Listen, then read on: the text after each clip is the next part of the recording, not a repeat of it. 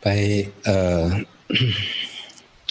Wandami para bante,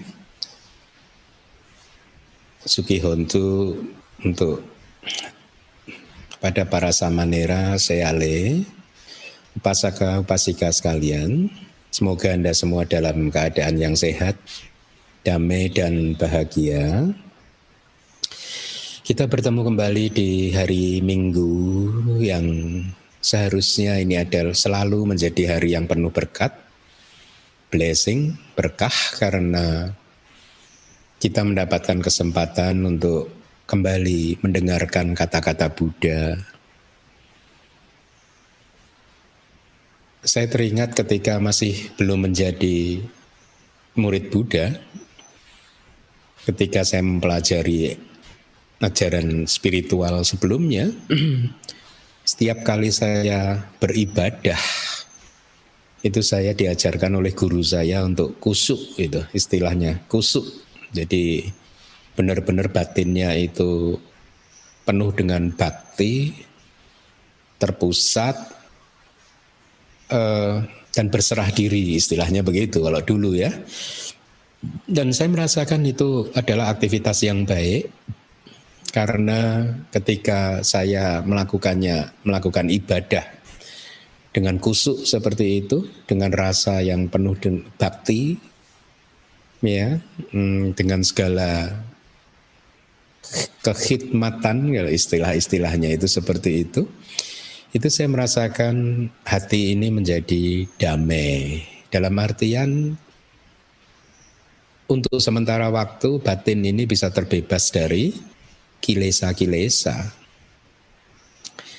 Nah saya menyampaikan hal ini kepada Anda semua supaya kalau bagi Anda misalkan ada, mudah-mudahan tentu saja harapan saya semuanya juga sudah kusuk seperti itu, bisa benar-benar apa e, memusatkan perhatiannya dengan hati yang tenang, damai seperti itu. Tapi kalau yang belum, semoga mudah-mudahan Anda bisa e, mengembangkan keterampilan yang seperti itu karena hal tersebut sangat bagus. Benar-benar bisa membersihkan hati kita, membersihkan batin kita dan tidak hanya itu eh, setelah beribadah dengan cara seperti itu yang saya ingat dulu saya menjadi semacam energized gitu ya, semacam menjadi uh, siap untuk menghadapi uh, hari yang uh, apa hari demi hari begitu siap menjalani kehidupan ini dengan baik dan itulah mengapa saya dulu senang sekali setiap hari bisa berkali-kali melakukan hal seperti itu karena saya selalu merasa mendapatkan manfaat yang seperti itu tadi. Nah bagi anda yang belum mudah-mudahan anda semakin uh, bisa men sering melatih keterampilan anda untuk membuat hati anda seperti itu karena itu adalah sangat uh, baik untuk uh, diri Anda sendiri gitu ya. Dan kepada semuanya mari kita senantiasa merenung bahwa kehidupan kita ini adalah anicca. Anicca yang paling mudah untuk dipahami adalah ketika kita melihat diri kita sendiri betapa dulu kita itu muda dan sekarang sudah menjadi semakin decaying, lapuk, bus, membusuk, menjadi semakin tua itu apalagi kalau kita melihat sekeliling kita mungkin teman-teman kita bahkan teman-teman sekolah saya saja yang SD SMA uh, itu sudah ada beberapa yang meninggal dunia ya. Jadi kita harus memperkuat persepsi tentang ketidakkekalan supaya kita ini benar-benar bisa mengelola kehidupan ini dengan lebih baik lagi, dengan efektif gitu ya. Kadang kita lupa bahwa hidup ini sementara, ya anicca, tidak kekal. Kita banyak yang lupa sehingga akhirnya mereka menjalani kehidupannya dengan arah yang keliru, dengan cara yang salah.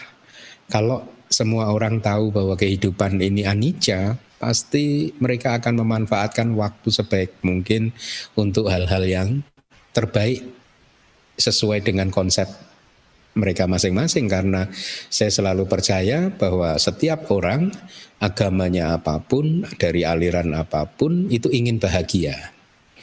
Semua orang ya, bahkan mungkin semua makhluk ya, yang mereka yang ada di neraka pun pengen bahagia.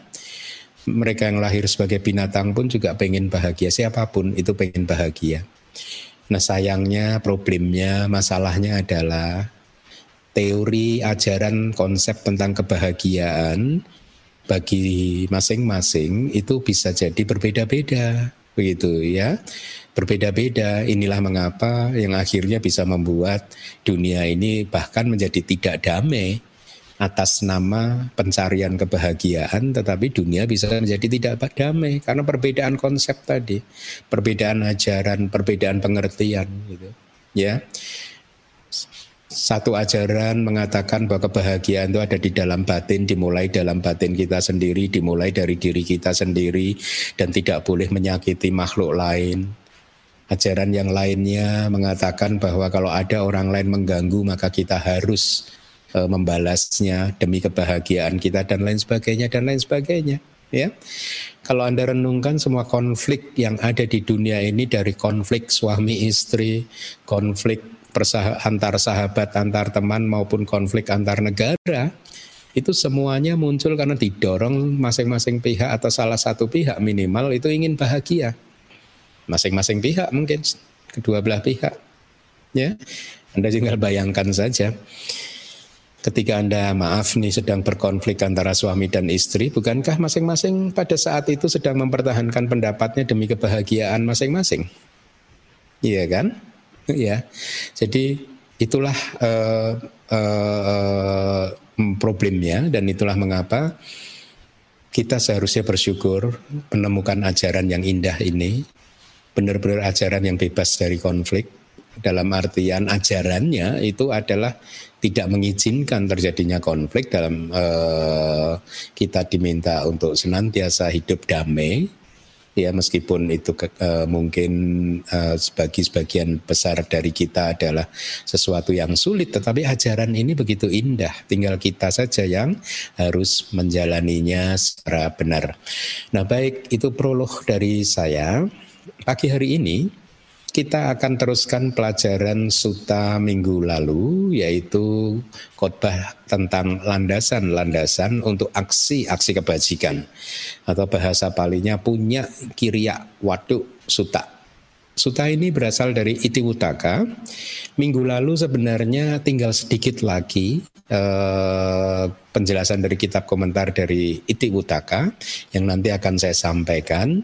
Kemudian sisa waktu yang ada akan saya manfaatkan untuk membahas topik yang sama yaitu punya kiriak waduk tetapi dari referensi-referensi abidama ya. Nah, sebelum saya membahas saya akan meminta petugasnya untuk uh, apa? Uh, membacakan sutanya. Ini benar-benar telah dikatakan oleh begawan dikatakan oleh seorang arhanta, berikut didengar oleh saya. Wahai para biku, ada tiga landasan-landasan kebajikan. Tiga yang manakah landasan untuk aksi kebajikan yang terdiri dari dana, landasan aks, landasan untuk aksi kebajikan yang terdiri dari sila, dan landasan untuk aksi kebajikan yang terdiri dari pengembangan batin. Wahai para biku, Inilah tiga landasan-landasan untuk aksi kebajikan. Begawan mengatakan pesan itu. Sehubungan dengan hal tersebut, berikut ini dikatakan. Seseorang harus melatih dirinya sendiri hanya dalam kebajikan, yang jauh jangkauannya hingga ke atas, yang memiliki kebahagiaan sebagai hasilnya. Seseorang hendaknya mewujudkan dana, hidup dalam ketenangan spiritual dan batin yang penuh cinta kasih setelah mewujudkan tiga kualitas tersebut yang merupakan asal mula dari kebahagiaan, seseorang yang bijaksana muncul di dunia yang bahagia, yang bebas dari kesulitan. Pesan ini pun dikatakan oleh Begawan, telah didengar oleh saya demikian. Yang pertama. Baik, terima kasih Pak Teguh. Itu tadi sutanya sangat pendek. Uh, sebelum saya sampaikan kata-kata penjelasan dari kitab komentar dari Suta tersebut, saya minta petugas untuk menampilkan slide-nya. Definisi kebajikan yang saya ambil dari kitab Abhidhamma Pitaka, yaitu buku Wibangga, kitab kedua dari Abhidhamma Pitaka. Sebenarnya definisi yang ada di layar itu tidak jauh berbeda dengan definisi yang diberikan oleh Itiwuthaka ya. Hanya uh, kalau minggu lalu hanya ada dua definisi, maka sekarang kita diberikan tiga uh, penjelasannya, tiga definisi yaitu itu tadi Sehubungan dengan hal itu disebut sebagai kebajikan karena kebajikan itu ya, kebajikan apa pun yang kita lakukan itu membersihkan pelakunya sendiri. Jadi kalau Anda berbuat kebajikan sebenarnya kita sedang membersihkan uh, diri kita sendiri. Kemudian kedua, kebajikan tersebut yang kita lakukan memenuhi kecenderungan kita sendiri ya, kecenderungan ke arah kebajikan itu supaya bisa menjadi sering muncul dan mudah untuk dilakukan. Dan yang ketiga adalah kebajikan itu menghasilkan kelahiran yang uh, terhormat. Jadi ada tiga poin tersebut. Terhadap poin yang pertama disebut sebagai kebajikan karena membersihkan pelakunya sendiri, ya. Uh, artinya begini, kebajikan itu uh, apa pun kebajikan yang kita lakukan itu mempunyai kekuatan untuk membersihkan rangkaian arus kesadaran kita masing-masing. Jadi siapa pun yang melakukannya, ya, ketika dia melakukan kebajikan itu dengan benar, ya, saya ulangi dengan benar, maka pada saat itu arus batin atau rangkaian arus kesadaran dia berada dalam keadaan yang bersih dari kotoran-kotoran batin. Ya, bukankah ini adalah keadaan yang sangat kita impikan? Kita harus senantiasa melatih supaya menjadi terampil untuk mengetahui cara untuk membersihkan batin kita sendiri ya.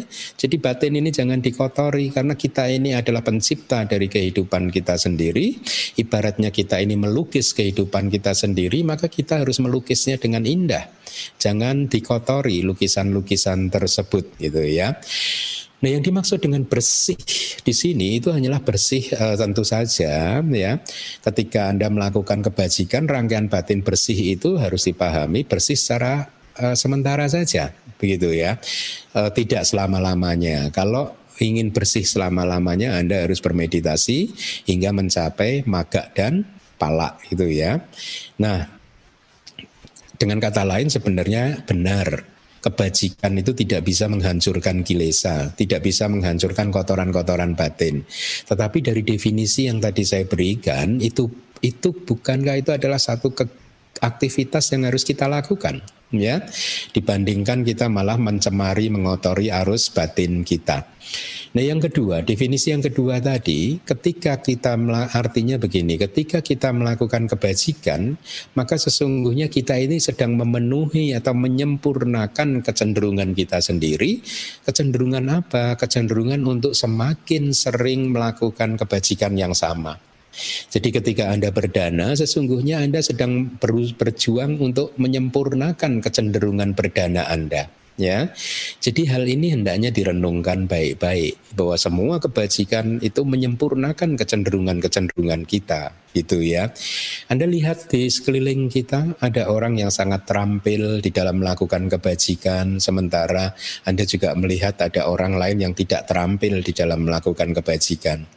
Ada orang-orang yang ketika melakukan kebajikan itu dengan dengan spontan ya ada orang-orang yang ketika melakukan kebajikan dia tidak melakukannya dengan spontan dengan berpikir dua kali tiga kali empat kali atau bahkan hingga akhirnya ada saja orang-orang yang akhirnya tidak melakukannya itu ya.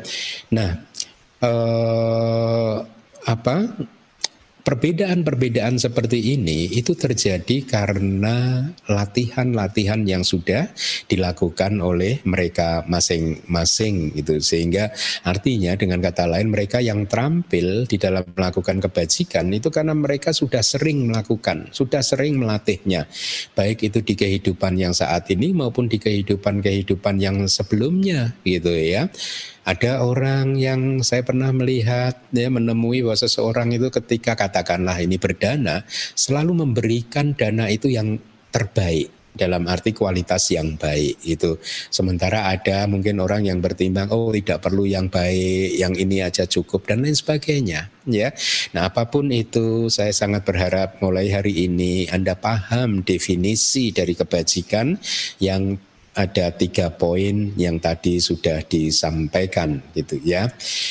Nah, kemudian tadi eh, yang ketiga, poin yang ketiga Kebajikan yang dilakukan itu memiliki potensi untuk menghasilkan kelahiran yang terhormat atau mulia. Nah, bukankah ini yang kita juga eh, mengidam-idamkan hal seperti ini kan, mendapatkan kelahiran yang terhormat dan mulia gitu.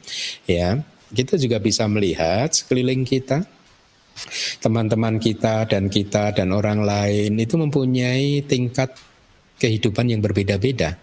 Kualitas kehidupan yang berbeda-beda. Ada yang terhormat, ada yang tidak terhormat, ada yang mulia, ada yang tidak mulia dan lain sebagainya ya. Nah, semua jenis kebajikan yang dilakukan jadi penjelasannya seperti ini. Ketika Anda melakukan semua jenis kebajikan, ya, apabila kebajikan yang Anda lakukan itu berfungsi sebagai karma produktif, ya. Nah, karma produktif itu artinya karma yang bisa memproduksi hasil ya karma yang bisa membuahkan hasil tetapi Anda harus pahami bahwa karma produktif itu produktif di dua tempat di dua saat, di dua momen. Momen yang pertama adalah di momen kelahiran kembali. Ketika kita mengambil satu kelahiran di detik pertama, karma itu produktif menghasilkan bisa lima agregat, empat agregat atau eh, satu agregat di di momen pertama ya. Jadi menghasilkan kelahiran kembali itu juga karma produktif. Tapi karma produktif juga tidak hanya menghasilkan kelahiran kembali tetapi dia berbuah di sepanjang kehidupan. Seperti kita saat ini, kita saat ini sudah uh, menjalani kehidupan selama 10, 20, 40 tahun, 50 tahun atau lebih, setiap hari kita memetik buah dari karma baik atau karma buruk kita ya. Jadi dari buah-buah karma buruk atau karma baik itu sebagian adalah karma produktif, eh, buah dari karma produktif.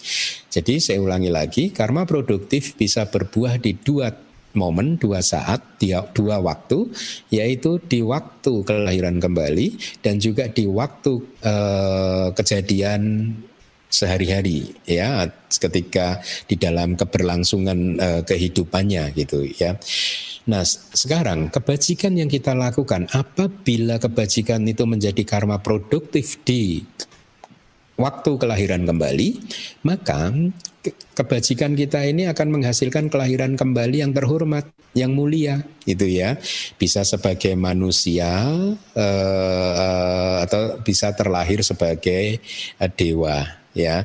Dan kalau karma produktif itu atau karma eh, kebajikan-kebajikan yang lain yang menjadi produktif di keberlangsungan kehidupan berbuah di kejadian-kejadian sehari-hari, maka ya dia tidak hanya terlahir sebagai manusia atau dewa, tetapi di di sepanjang kehidupannya pun dia akan menikmati kemudahan kehidupan, kebahagiaan dan lain sebagainya ya.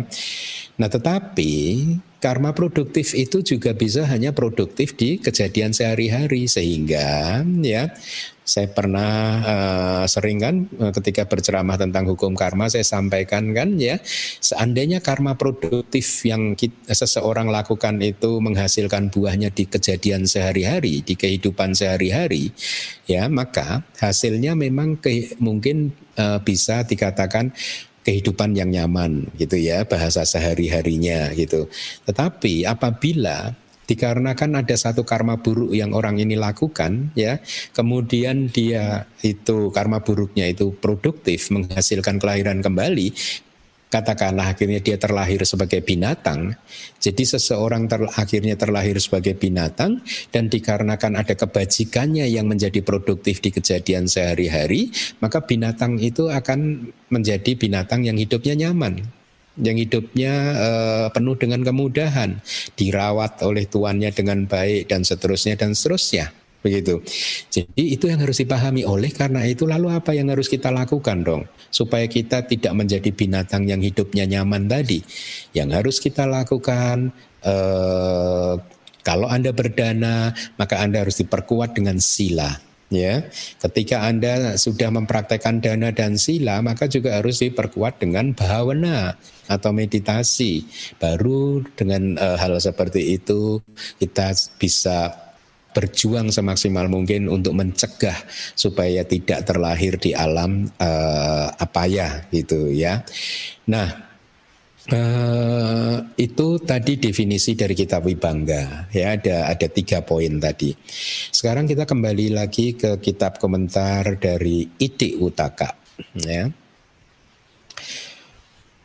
Uh, minggu lalu sudah diberikan itu dana sila bawana tiga kelompok besar Kemudian di bagian akhir dari kelas minggu lalu kita juga sudah mempelajari tujuh jenis kebajikan yang lain ya dari apacayana, wayawaca dan seterusnya ya.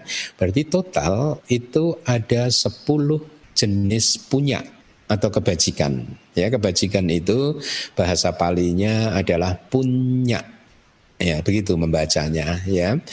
Nah, dari tujuh kebajikan yang terakhir yang sudah saya sampaikan di kelas minggu lalu, itu sesungguhnya bisa dikelompokkan ke dalam tiga kebajikan yang pertama, yaitu dana, sila, dan bawana. Itu ya. Anda uh, untuk uh, apa?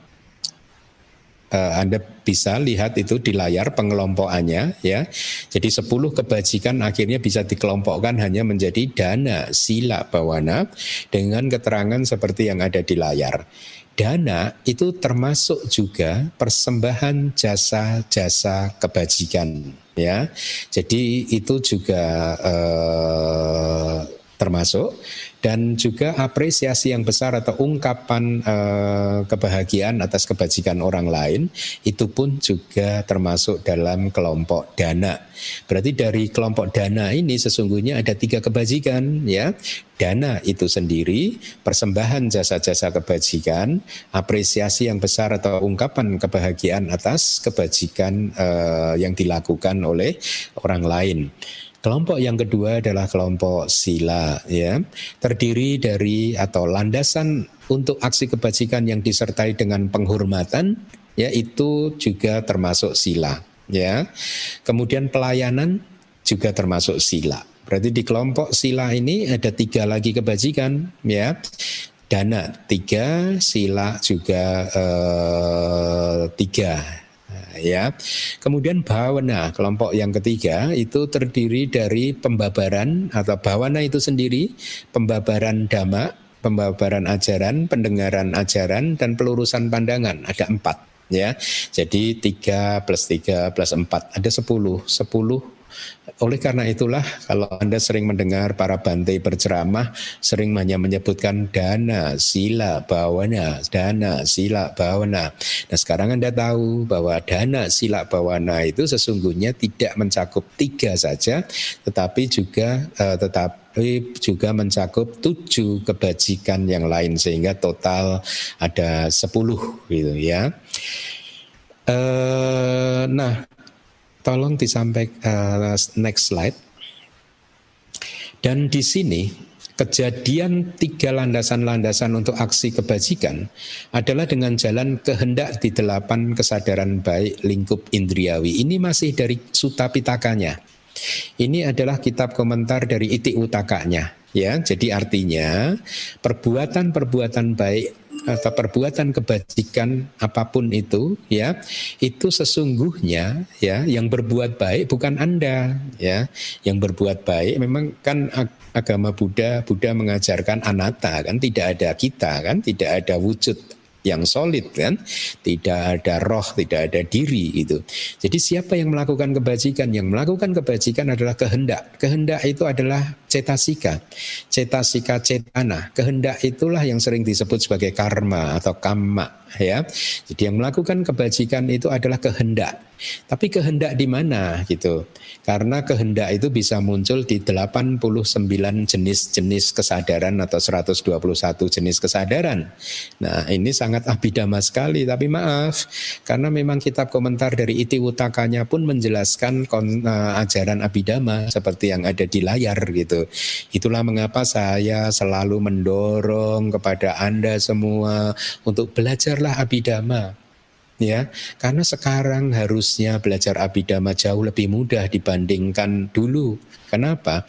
Karena video-video di YouTube banyak kemudian buku-bukunya juga sudah diterbitkan oleh DBS ya menurut saya seharusnya kondisi ini sangat nyaman untuk uh, bagi anda semua untuk mempelajarinya gitu.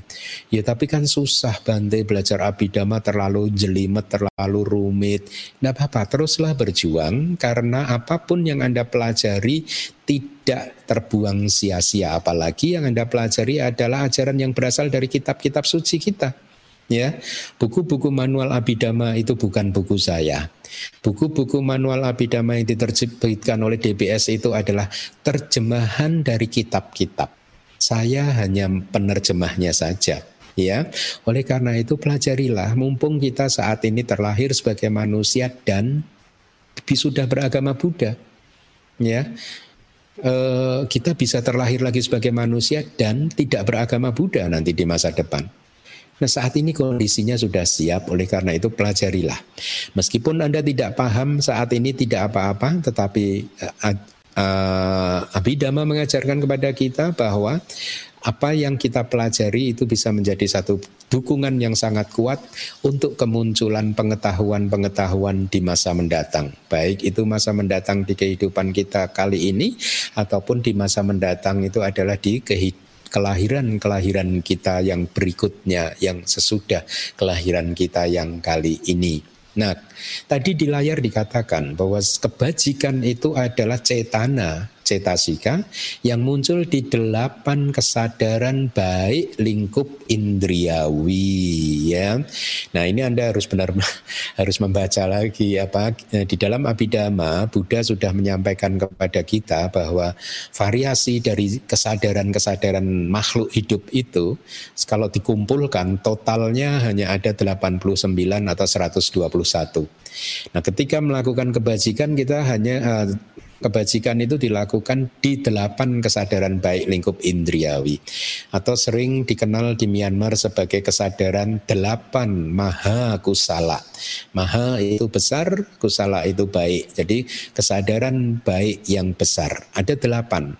Dari delapan jenis kesadaran itu ya atau batin atau mungkin secara secara bebas diterjemahkan menjadi pikiran meskipun itu tidak akurat ya karena banyak dari anda yang yang tidak paham abidama, kalau konsep uh, terminologi abidama uh, itu diterjemahkan jadi kesadaran. Jadi kesadaran itu ya apa yang melihat, apa yang mendengar, mencium melalui hidung, merasakan makanan melalui lidah, kemudian menyentuh uh, objek-objek sentuhan melalui indera-indera peraba kita, kemudian yang berpikir itu semuanya kesadaran disebutnya sebagai kesadaran ya. Nah dari 89 atau 121 tadi ada 8 mahakusala yaitu kesadaran baik yang muncul di rangkaian arus batin seorang putu jana atau seorang seka. Seka itu adalah orang mulia, murid mulia yang masih harus berlatih lagi untuk menjadi seorang arahat. Dengan kata lain, seorang seka itu adalah seorang sotapana, sakadagami, dan anagami. Ya, jadi saya ulangi lagi, putujana, sotapana, sakadagami, dan anagami. Ketika mereka melakukan kebajikan, mereka melakukannya dengan delapan maha kusala cita ini, delapan kesadaran yang baik yang nanti akan saya sampaikan. Nah, bagaimana lalu dengan Buddha, Paceka Buddha, dan Arahat, Bante? Ya, Buddha, Paceka Paseka Buddha dan Arahat tetap juga melakukan kebajikan ya. Tetapi tidak bisa disebut sebagai kebajikan lagi ya. Kenapa? Karena ya cetananya munculnya di Mahakirya ya. Yaitu di eh, kesadaran fungsional yang besar. Arti dari fungsional itu adalah kesadaran yang muncul hanya untuk melakukan fungsinya saja. Dan setelah lenyap dia lenyap total, tidak menyisakan potensi untuk berbuah. Itulah mengapa semua yang dilakukan oleh Buddha, Paceka Buddha dan Arahat tidak mempunyai kekuatan untuk menghasilkan buah. Sementara perbuatan yang dilakukan oleh Putu Jana, Sotapana, Sakadagami dan Anagami itu masih mempunyai kekuatan untuk menghasilkan buah ya. Nah di dalam maha kusala cita yang jumlahnya ada delapan tadi, sesungguhnya ada tiga komponen. Komponen dari setiap kesadaran itu, yang pertama adalah perasaan. Perasaannya dibedakan jadi dua, yaitu sukacita atau ketenangan, ya, somana sawedana atau UPK. Jadi dengan kata lain Anda sering kali kan melakukan kebajikan berdana dengan perasaan sukacita, tapi di kesempatan lain hanya dengan perasaan ketenangan saja. Ya, mana yang lebih baik Bante? Tentu saja yang sukacita adalah yang lebih baik. Ya, kemudian komponen dari kesadaran mahakusala yang kedua adalah dhamma yang berasosiasi, yaitu dengan nyana. Nyana itu pengetahuan atau tanpa nyana. Ya, lalu yang baik mana Bante? Ya, yang dengan nyana dengan pengetahuan. Dengan pengetahuan itu bagaimana Bante? Ya, ketika Anda melakukan, Anda tahu bahwa ini adalah perbuatan baik yang mempunyai potensi untuk menghasilkan kebahagiaan. Dan Anda tahu bahwa kejahatan, perbuatan buruk itu berpotensi menghasilkan penderitaan. Jadi keyakinan, pemahaman tentang hukum karma harus dimunculkan. Dan Anda mengetahui bahwa tidak mudah untuk mendapatkan kesempatan berdana. Kadang saya ingin berdana tetapi objek yang menerima dana saya tidak tidak ada. Kadang ada objek untuk menerima dana saya, tapi saya sedang tidak mempunyai sesuatu untuk didanakan. Jadi kesempatan untuk berdana ini sangat sulit untuk didapatkan. Nah sekarang semuanya terpenuhi oleh karena itu saya ingin berdana karena ini adalah kebajikan yang dipuji oleh orang-orang yang bijaksana. Jadi di dalam uh, perenungan itu ada pengetahuan tentang hukum karma yang seperti itu, gitu. Tapi kalau Anda berdana hanya ikut-ikutan saja tidak ada perenungan yang seperti itu, maka kesadaran mahakusala Anda yang muncul itu tidak disertai dengan pengetahuan. Mana yang baik Bante? Tentu saja yang dengan pengetahuan itu lebih baik. Buahnya berbeda. Kalau Anda melakukan kebajikan disertai dengan pengetahuan, buahnya berbeda ya e, dibandingkan kalau tidak disertai dengan e, pengetahuan ya. E, bedanya di mana Bante ya? Ya salah satunya akan membuat Anda menjadi makhluk yang e, tiga akar jadi mempunyai peluang untuk menjadi orang yang cerdas keduniawiannya, kemudian cerdas secara spiritual, mempunyai peluang untuk mencapai maga dan pala. Tetapi kalau Anda lahir sebagai makhluk dua akar tanpa pengetahuan, maka peluang untuk mencapai jana, maga dan pala di kelahiran tersebut menjadi tertutup. Ya, nah kemudian eh, komponen yang ketiga adalah dorongan, spontan atau tidak spontan, atau dengan dorongan atau tanpa dorongan. Ini dibedakan seperti ini. Ada kan seseorang ketika melakukan kebajikan dia melakukannya dengan spontan, sementara orang lain melakukan kebajikannya dengan lamban, ya, dengan malas-malasan, bahkan cenderung berpikir perlu enggak, perlu enggak, perlu enggak, ya, kelihatannya enggak perlu berdana gitu ya. Eh, seperti itu ya. Dorongan itu seperti itu. Lalu yang baik yang baik yang mana? Ya tentu saja yang spontan adalah yang lebih eh, baik dibandingkan yang tidak spontan. Jadi syarat lengkap akhirnya kesadaran yang terbaik untuk melakukan kebajikan adalah kesadaran yang disertai dengan perasaan sukacita yang berasosiasi dengan kebajikan ya eh, sorry dengan pengetahuan, kemudian yang dengan eh, tanpa dorongan, yang spontan. Ya, jadi ketika anda ada kesempatan langsung melakukan kebajikan itu. Ketika ada bante misalkan sedang membawa pataknya, anda langsung membawakan patak dari bante tersebut. Ya, dan inilah mengapa pengetahuan dharma, pengetahuan pariyati menjadi penting sekali. Karena tanpa pengetahuan pariyati bagaimana Anda bisa mendapatkan informasi seperti yang sudah diberikan di kelas lalu dan di kelas yang hari ini, ya. Tanpa pengetahuan pariyati Anda akan melakukan kebajikan dengan cara yang salah, ya. dan ketika dilakukan dengan cara yang salah belum tentu itu adalah kebajikan yang bisa berbuah besar itu ya Nah itulah mengapa sering dikatakan pariyati fondasi pati-pati. Pati-pati itu kan praktek kan. Praktek itu tidak hanya termasuk uh, di dalam meditasi tetapi juga praktek-praktek yang lain. Praktek melakukan kebajikan itu tadi. Begitu ya. Nah jadi 10 landasan untuk aksi kebajikan itu saya ulangi lagi. Sesungguhnya adalah cetasika cetana tetapi cetana yang muncul di delapan mahakusala cita atau kesadaran baik yang besar. Tidak cetana yang muncul di eh, kesadaran-kesadaran yang lainnya gitu ya. Nah, jadi itu tadi adalah penjelasan yang ada di dalam uh, Iti Utaka. Mari kita lihat sekarang penjelasan di kitab Abhidhamma Pitaka ya. Ini sudah bukan uh, suta lagi sesungguhnya apa yang saya sampaikan ini saya ambil dari buku manual Abidama bab 1 dan bab 5. Anda bisa dengarkan uh, baca uh, di buku dua buku tersebut Anda cari tentang uh, di subtopik tentang 10 landasan kebajikan ya. Nah, di layar Anda bisa melihat definisi dari dana yang diberikan oleh kitab Wibawinidika itu Wib V Wibawinidika ya. Di yati ete nati danang paricaga cetana dengan melaluinya seseorang memberi itulah mengapa disebut dana atau ini adalah kehendak pelepasan ya.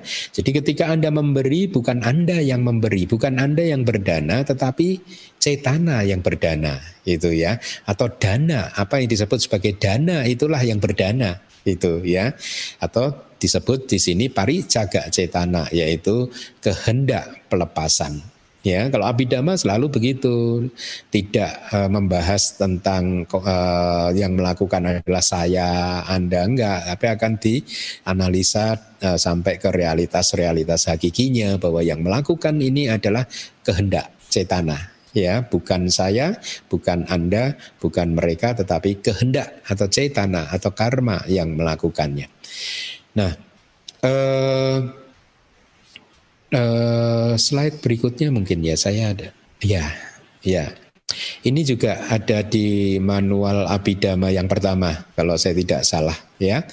Enam cara untuk akumulasi kebajikan atau enam cara untuk mengakumulasi kebajikan ya atau untuk berjuang untuk dalam uh, ketik uh, uh, enam cara untuk perjuangan dalam melakukan kebajikan bisa ya atau akumulasi kebajikan juga bisa.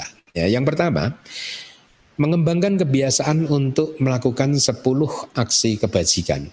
Ini ini ini adalah latihan atau cara-cara yang diberikan oleh guru-guru kita supaya kita bisa menjadi semakin terampil di dalam melakukan kebajikan dan supaya kita bisa mengakumulasi kebajikan. Mengakumulasi itu adalah mengumpulkan kebajikan.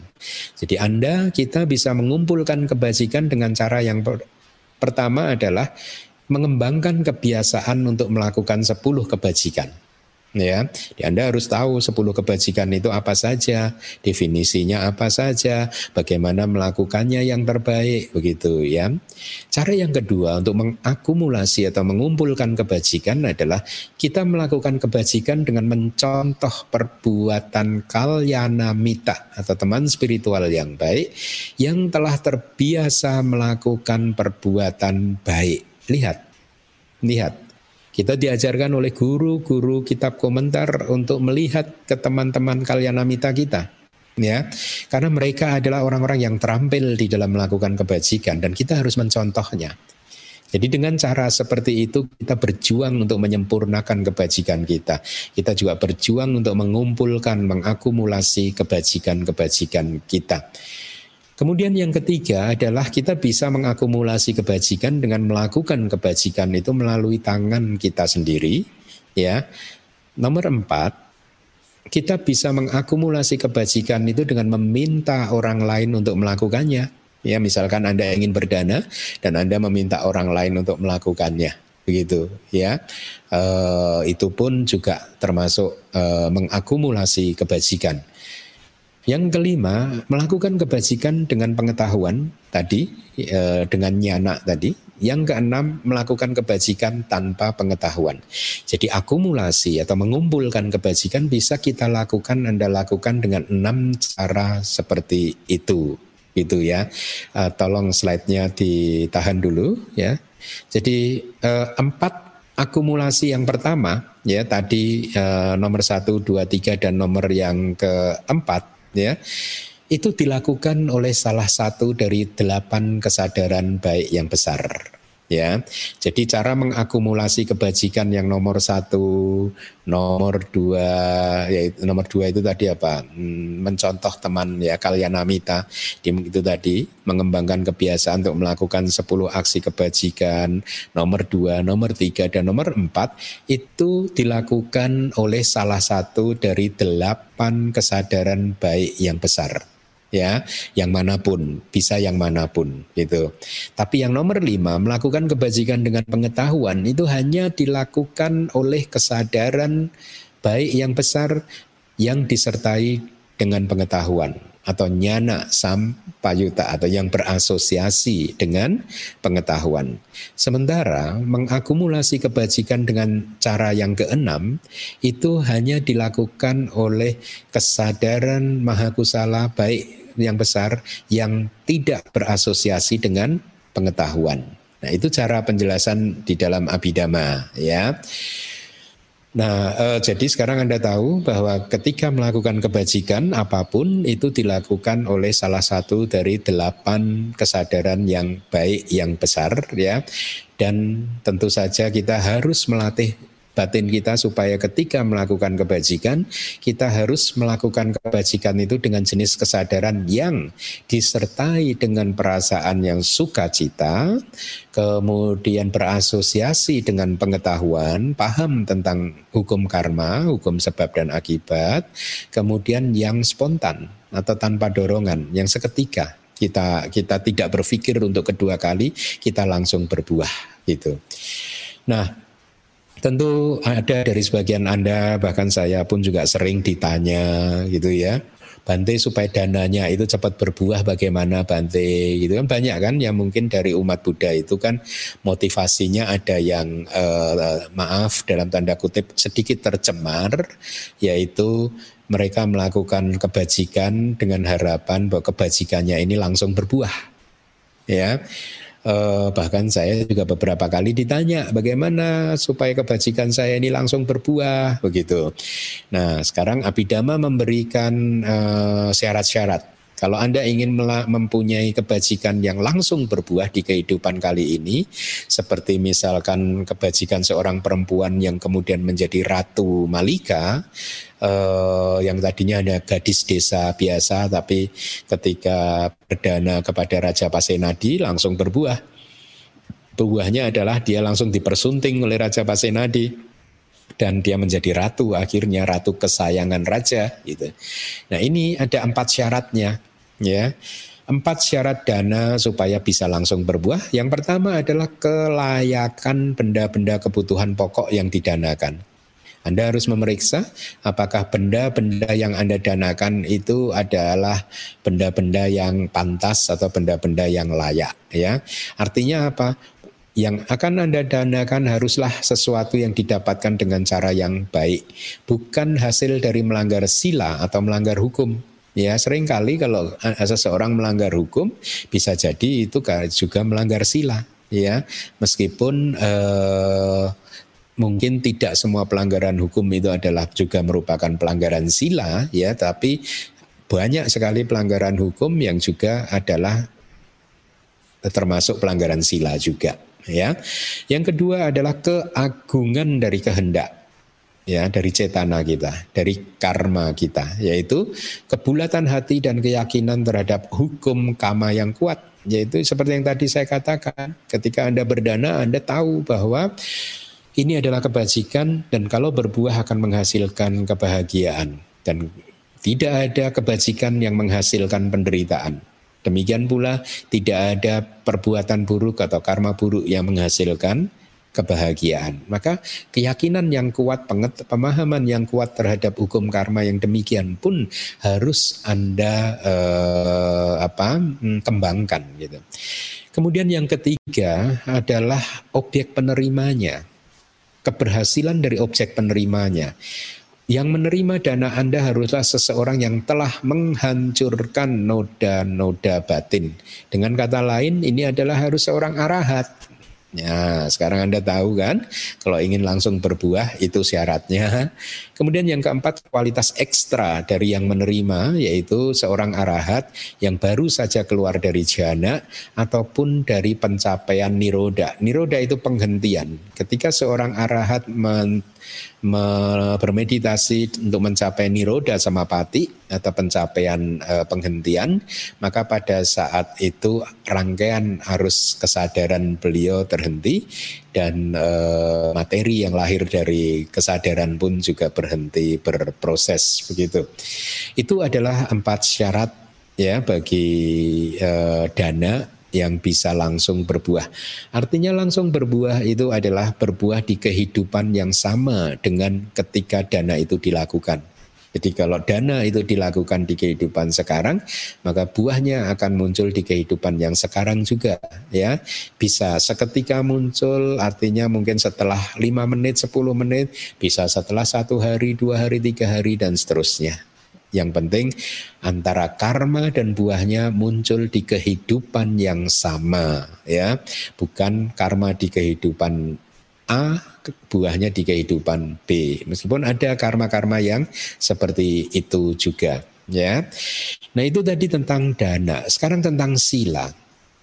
Abhidhamma mendefinisikan sila sebagai dhamma atau uh, uh, uh, uh, kualitas mental yang memperkuat atau yang menegakkan karma atau kama-kama tubuh ucapan dan ucapan ya. Jadi kama-kama tubuh dan ucapan itu bisa diperkuat dengan sila ya. E, bisa disempurnakan dengan sila. Oleh karena itu tadi di depan saya katakan ya e, e, dana itu juga termasuk kama tubuh dan juga karma ucapan kan ya. E, supaya dana ini kuat maka harus diperkuat dengan sila. Ya. Supaya apa? Supaya si pelaku dana itu tidak terlahir menjadi binatang yang hidupnya nyaman tadi. Ya. Dananya berbuah di kehidupan di sepanjang kehidupan tetapi dia lahirnya di alam yang bawah. Itulah mengapa saya beberapa waktu yang lalu mengatakan atau mungkin di ceramah-ceramah yang dulu juga sudah mengatakan bahwa ada saja broadcast-broadcast Buddhis yang mengatakan berdanalah karena dengan berdana Anda pasti lahir di surga. Dan saya katakan pasti lahir di surga dari Hong Kong. Ya lahir di surga itu kalau berdananya itu produktif melahirkan kelahiran kembali. Tapi kalau berdananya itu produktif menghasilkan buahnya hanya di kehidupan sehari-hari, sementara yang menerimanya itu adalah binatang, maka dia akan jadi binatang yang hidupnya seperti di surga. Ya, tentu saja binatang yang meskipun hidupnya seperti di surga bukanlah kehidupan yang kita idam-idamkan kan. Nah, oleh karena itu supaya kita bisa terhindar dari itu, maka dana kita harus diperkuat oleh sila. Dan sesuai dengan definisi yang diberikan oleh Abhidhamma, sila itu definisinya adalah dhamma-dhamma yang memperkuat dan menegakkan kama-kama tubuh dan kama-kama ucapan. Ya, dia bisa menegakkannya dengan sempurna. Atau definisi yang lain, oleh karena membuat kama-kama tubuh dan ucapan tertopang menjadi kuat, maka dinamakan sila. Ya, sekarang Anda tahu kalau Anda ingin memperkuat karma tubuh dan ucapan, nah, kebajikan itu juga sebagai karma tubuh dan ucapan, meskipun juga bisa menjadi karma mental juga ya ketika uh, bawana dan seterusnya itu bisa menjadi karma mental, berdana pun juga bisa menjadi karma mental seperti yang dijelaskan di minggu lalu, tetapi di sini definisi sila dibatasi hanyalah yang memperkuat karma ucapan dan karma tubuh gitu. Lalu bagaimana definisi tentang bhavana yang diberikan di dalam abhidhamma atau meditasi disebut sebagai pengembangan batin atau meditasi oleh karena melaluinya seseorang mengembangkan dhamma-dhamma yang baik artinya mengembangkan kualitas-kualitas mental yang baik, melatih kualitas-kualitas mental tersebut yang baik tersebut dan menumbuh kembangkannya ya.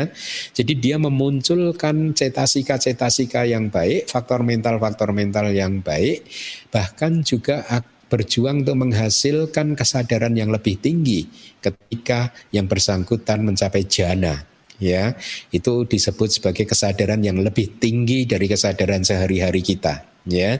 Yang belum pernah muncul sebelumnya ya dan setelah muncul dia menguasai jana dia akan mengembangkannya menumbuhkannya e, membuatnya berlimpah-limpah dan seterusnya. Artinya berlimpah-limpah itu bisa mempertahankannya dalam waktu satu jam dua jam tiga jam empat jam atau bahkan lebih ya. Nah atau bahkan e, bawana itu juga muncul ketika seseorang berwipasana ya. Jadi berwipasana dan mencapai e, ataupun juga mencapai jana itu definisi dari kitab Abhidhamma. Tentang penghormatan ya kebajikan yang berikutnya apa cahayana Definisinya adalah oleh karena melaluinya seseorang memberikan hormat dan melakukan perbuatan yang pantas dengan cara memberikan penghormatan, maka itu disebut sebagai penghormatan atau bahasa palingnya apa? Cayana. Artinya adalah memperlihatkan sikap rendah hati dan menghormati orang lain melalui tubuh dan ucapan. Ya, hanya tubuh dan ucapan. Yang nomor lima, weya waca atau pelayanan, definisinya adalah yang disebut sebagai pelayanan adalah keadaan seseorang yang aktif dalam melakukan tugas dan kewajibannya. Ya, di DBS ada saya membentuk satu tim yang disebut tim Wea Waca yang khusus bertugas untuk melayani umat-umat yang lainnya. Gitu. Sekarang definisi Uh, sudah Anda pahami saya harap ya. Nah, melaksanakan tugas yang diberikan untuk melayani para biku dengan penuh tanggung jawab, baik itu tugas yang berat maupun yang ringan, ya, membawakan mangkok makanan seorang biku yang terlihat sedang memasuki sebuah desa untuk mengumpulkan derma dan mengisinya dengan makanan, kemudian mengembalikannya kepada beliau lagi dan mempersembahkan uh, mengembalikan dan mempersembahkannya kepada beliau lagi itu termasuk termasuk dalam aksi-aksi kebajikan yang disebut sebagai pelayanan. Kemudian yang nomor enam, persembahan jasa kebajikan atau patik dana. Kita sering melakukan patik dana ya. Definisinya adalah oleh karena melalui patik dana, seseorang memberikan jasa kebajikan yang telah dihasilkan di dalam rangkaian kesadaran dirinya sendiri, ya, Itulah mengapa disebut sebagai pati dana atau persembahan jasa-jasa kebajikan. Ya, Anda lihat pati dana itu terdiri dari dua kata pati plus dana. Dana itu dana, ya. Pati itu kebajikan. Jadi ini adalah dana kebajikan, ya. Eh, persembahan jasa-jasa kebajikan. Ya, syaratnya apa? Ya Anda harus melakukan kebajikan terlebih dahulu. Kalau Anda belum melakukan kebajikan, apa yang Anda akan bagikan? Ya, e, itu definisinya. Nah, kitab Abhidhamma memberikan tambahan penjelasan seperti ini atau di buku manual ya. Kebajikan jenis ini didapatkan setelah seseorang misalkan berdana bunga kepada Buddha Rupang atau melakukan kebajikan yang lain Kemudian dia mempersembahkan kebajikan yang sudah dilakukan tersebut untuk seseorang atau uh, siapa pun yang sudah meninggal dengan mengatakan satu ya semoga kebajikan ini melimpah kepada almarhum A, almarhum B dan seterusnya ya atau saya membagikan kebajikan ini kepada almarhum A, almarhum B dan seterusnya ya. Jadi Anda menyebut namanya diperbolehkan ya diperbolehkan ya. Atau dengan cara yang lain Anda mempersembahkan nah, melakukan pelimpahan jasa kebajikan ini kepada semua makhluk ya. Semoga kebajikan ini melimpah kepada semua makhluk. Ini lebih baik meskipun yang pertama tidak salah ya karena e, kalau yang pertama maka Anda spesifik hanya membatasi si penerima kebajikan hanyalah almarhum A, almarhum B.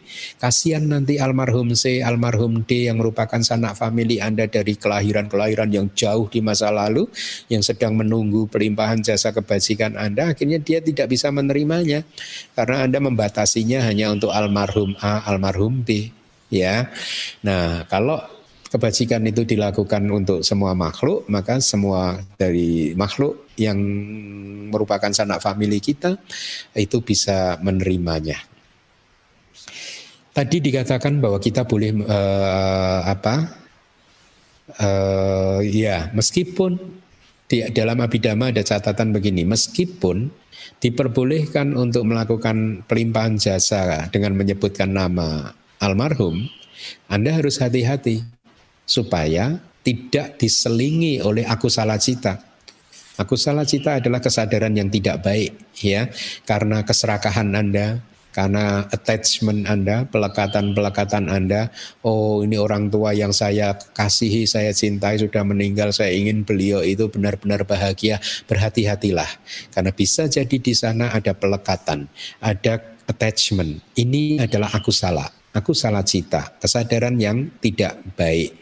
Jadi sebenarnya lebih aman kalau persembahan uh, kebajikan ini ya pelimpahan jasa kebajikan ini kita persembahkan kepada semua makhluk. Jadi kita sudah pasti terbebas dari pelekatan terhadap individu-individu A dan B. Nah, Eh, persembahan jasa-jasa kebajikan ini adalah aktivitas atau aksi kebajikan yang harus kita lakukan setiap kali kita melakukan atau selesai melakukan telah selesai melakukan kebajikan. Ya, kenapa ini harus dilakukan? Satu, demi belas kasihan kita kepada semua makhluk yang saat ini membutuhkan bantuan kita. Kedua, juga demi kita sendiri Ya, kenapa demi kita sendiri? Karena pelimpahan jasa itu sendiri adalah kebajikan. Jadi Anda bayangkan, ketika Anda sudah berdana, berarti anggap saja ketika Anda sudah berdana, Anda melakukan satu kebajikan. Anggap saja ya, ini untuk untuk ilustrasi supaya mudah memahaminya. Anda melakukan satu kebajikan. Kemudian setelah selesai berdana, Anda limpahkan uh, dana Anda tadi kepada semua makhluk.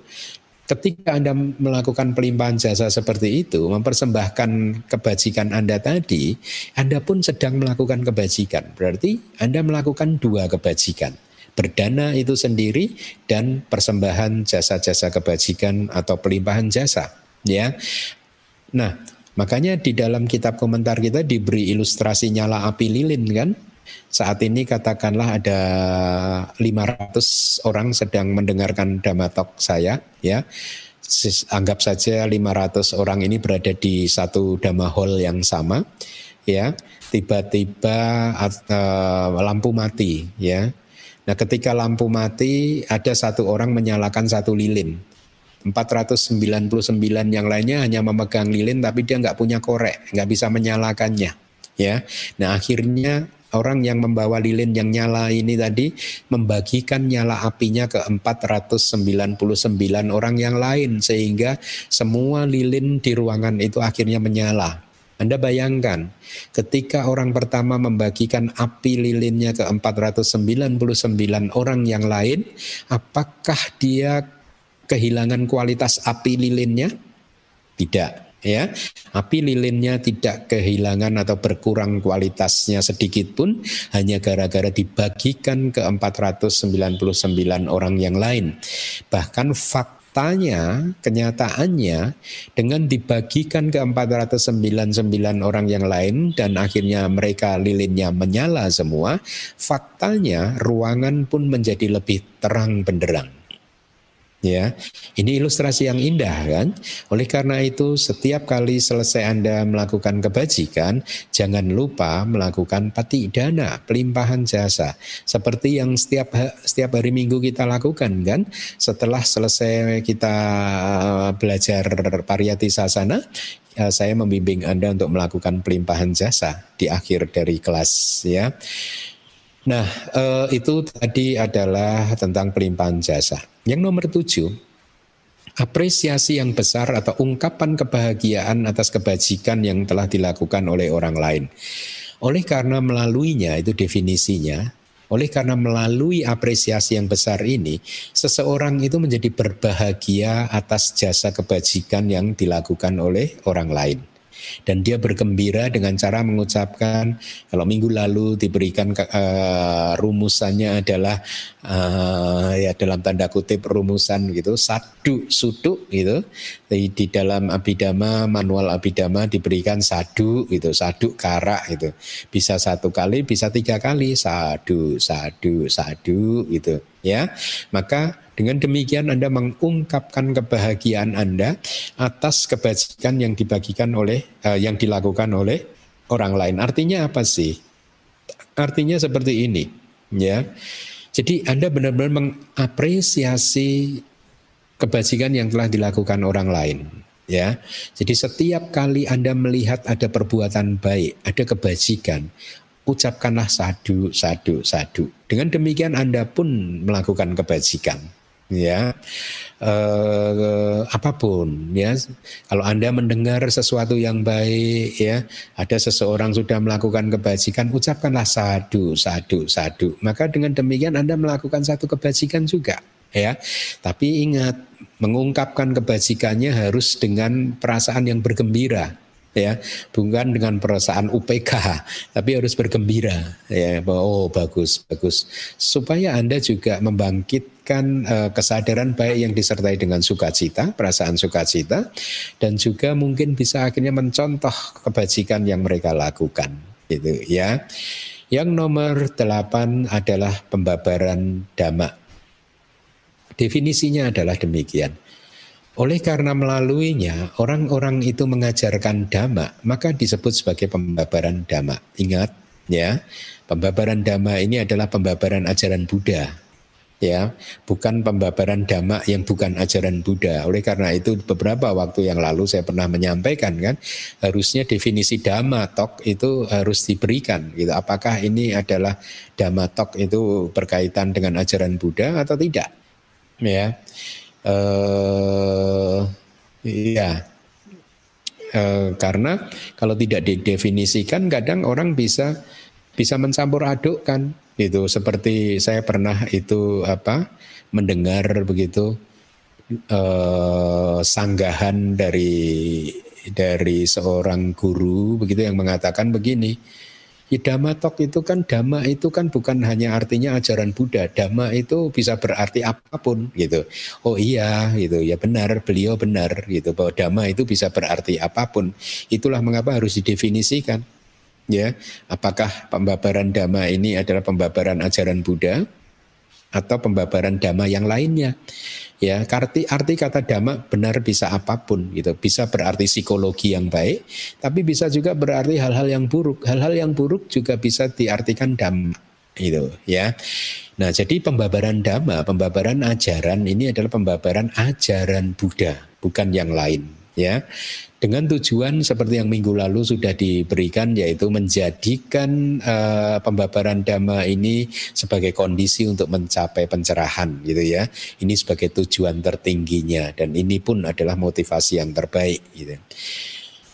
Kemudian yang kesembilan adalah pendengaran ajaran Buddha. Ya, oleh karena definisinya oleh karena melalui pendengaran ajaran Buddha, orang-orang mendengarkan ajaran Buddha, maka disebut sebagai pendengaran dhamma atau pendengaran ajaran Buddha. Nah ini pun juga harus didefinisikan. Ya, maka sebenarnya pendengaran dhamma atau dhamma sawana itu lebih baik didefinisikan pendengaran ajaran Buddha gitu. Karena kalau yang didengarkan ternyata itu bukan ajaran Buddha atau ajaran yang tidak sesuai dengan ajaran Buddha, maka belum tentu yang didengarkan itu adalah kebajikan dan bisa mempunyai kekuatan untuk membawa yang bersangkutan keluar dari samsara begitu ya. Nah, Uh, ya di buku manual saya sampaikan seperti ini. Kalau tidak salah itu di buku manual Abhidhamma yang pertama. Seringkali kita mendengar para umat berdiskusi tentang dhamma, tetapi dengan menggunakan kata-kata yang kasar, menyakitkan telinga, dan juga tidak santun. Diskusi dhamma pun akhirnya menjadi perdebatan. Hal yang demikian ini tentu saja tidak baik dan bertentangan dengan dhamma. Ya, jadi kita ini sering kali terjadi perdebatan. Ya, kalau anda lihat di medsos-medsos itu dua kubu berdebat tentang dhamma. Kalau anda amati pengetahuan anda itu sudah cukup bagus, anda amati sering kali dua kubu itu adalah sama-sama berada dalam pihak yang salah memperdebatkan dhamma tapi dua pihak ini sama-sama salahnya gitu ya kenapa karena ya sama-sama tidak memahami kitab suci gitu. Maka hati-hatilah hati-hatilah. Ini pesan saya kepada semuanya dengan tujuan supaya Anda tidak melakukan karma buruk Anda tidak melakukan menimbun karma buruk. Kenapa? E, dengan berdebat dengan mengkritik yang e, hanya berdasarkan opini-opini Anda bisa jadi Anda melakukan karma buruk loh. Maka ini hal yang nggak baik gitu. Apalagi kalau anda itu berdebat mengkritiknya itu dengan domanasa dengan perasaan yang tidak nyaman dengan perasaan hati yang uh, penuh dengan duka cita nah, ada kemarahan kebencian di sana udah pasti itu adalah karma buruk ya Nah hati-hati, hati-hati. Kenapa? Ya, hindarilah perbuatan-perbuatan tercela seperti itu. Ya, hindarilah perdebatan-perdebatan. Ya, e, kenapa? Karena ya kitab suci kita ini belum dibuka. Dengan kata lain Anda harus sadar, berhati-hatilah bahwa pemahaman Anda, pemahaman kita semua tentang kitab suci ini masih minimal sekali. Dan sering bisa jadi itu salah. Kenapa saya mengatakan demikian? Karena kita belum mempunyai kitab suci yang murni terjemahan dari bahasa Pali ya kitab suci yang ada di Indonesia adalah terjemahan dari bahasa Inggris dan Anda tentu bisa mudah memahami bahwa ketika dari bahasa Pali diterjemahkan ke bahasa Inggris pasti inakurasi ada, ketidakakuratan ada terjadi. Apalagi ketika yang dari bahasa Inggris diterjemahkan ke bahasa Indonesia bisa terjadi lagi ketidakakuratan berarti akan ada dua penyimpangan makna ya Uh, itulah mengapa bagi mereka yang sudah paham bahasa Pali, bahkan membaca kitab-kitab terjemahan bahasa Inggris pun sudah tidak nyaman. Ya, mereka akan lebih condong untuk membaca langsung dari bahasa Palinya, begitu. Ya, nah jadi di Indonesia baru ada kitab-kitab seperti itu, ya. Dan kitab yang merupakan terjemahan dari bahasa Inggris pun ya dengan kondisi yang tadi sudah saya sampaikan, itu pun yang ada hanyalah kitab terjemahan Tripitaka. Tipitakanya saja dan saya sudah mendemonstrasikan berkali-kali, menyampaikan ke Anda berkali-kali bahwa mustahil untuk memahami Tripitaka tanpa bantuan kitab komentar dan kitab subkomentar.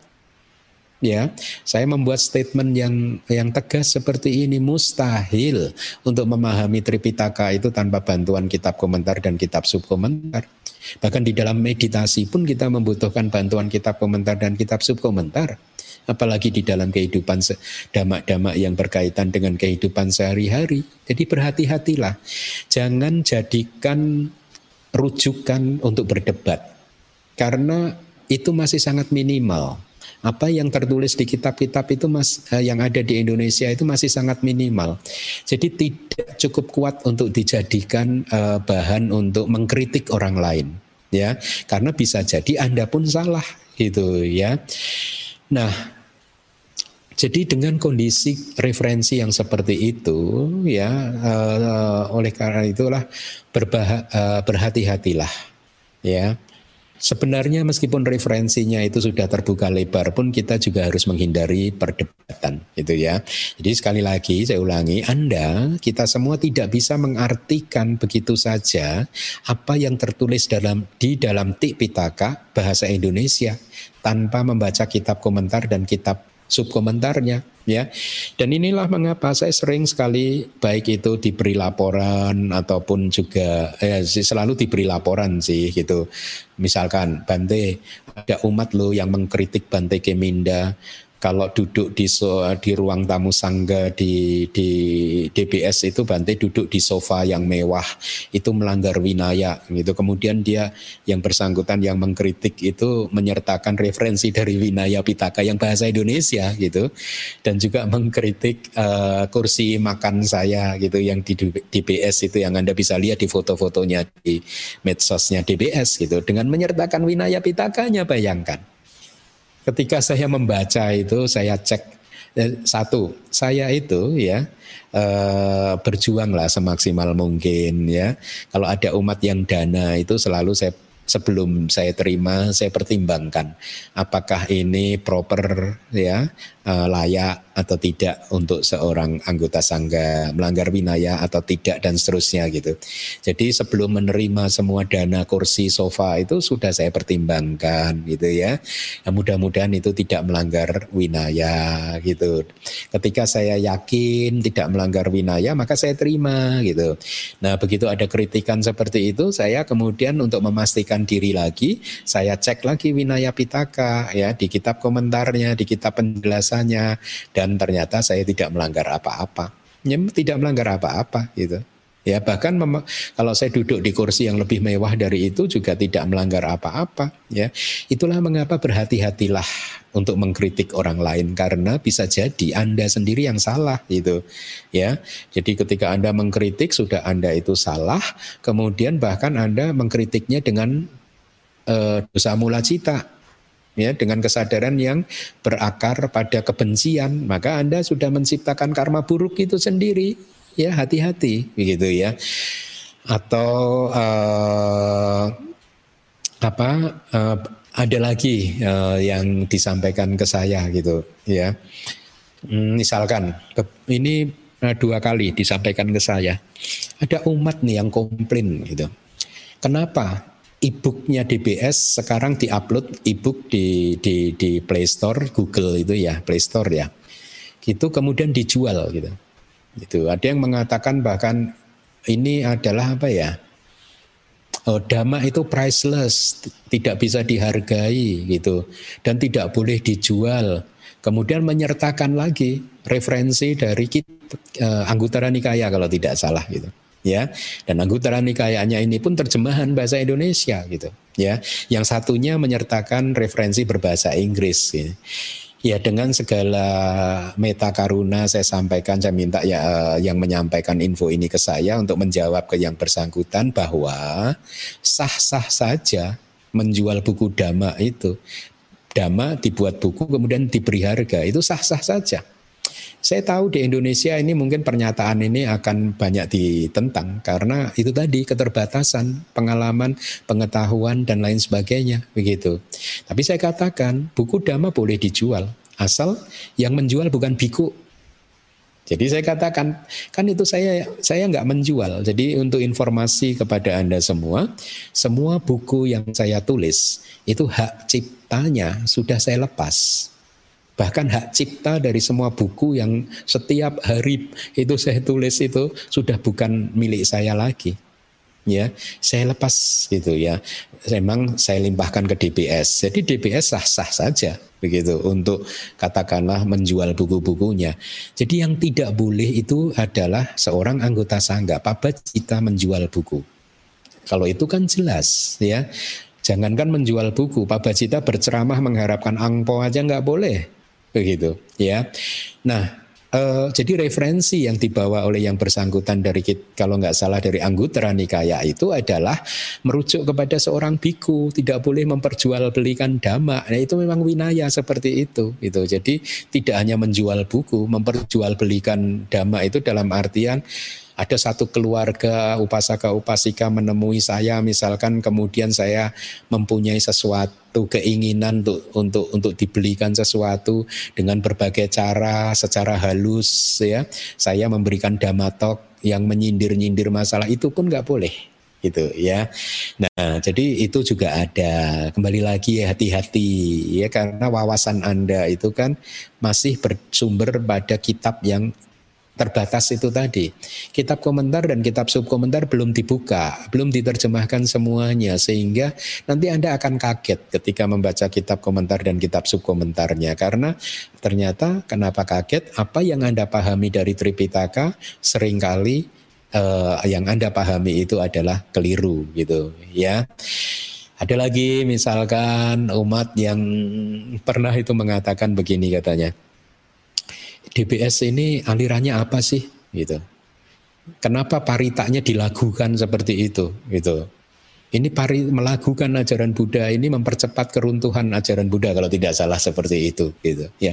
Dan kembali lagi dia membawa referensinya dari Sutta Pitaka yang mungkin juga anggota Nikaya uh, dari Sutta Pitaka tapi yang berbahasa Inggris gitu.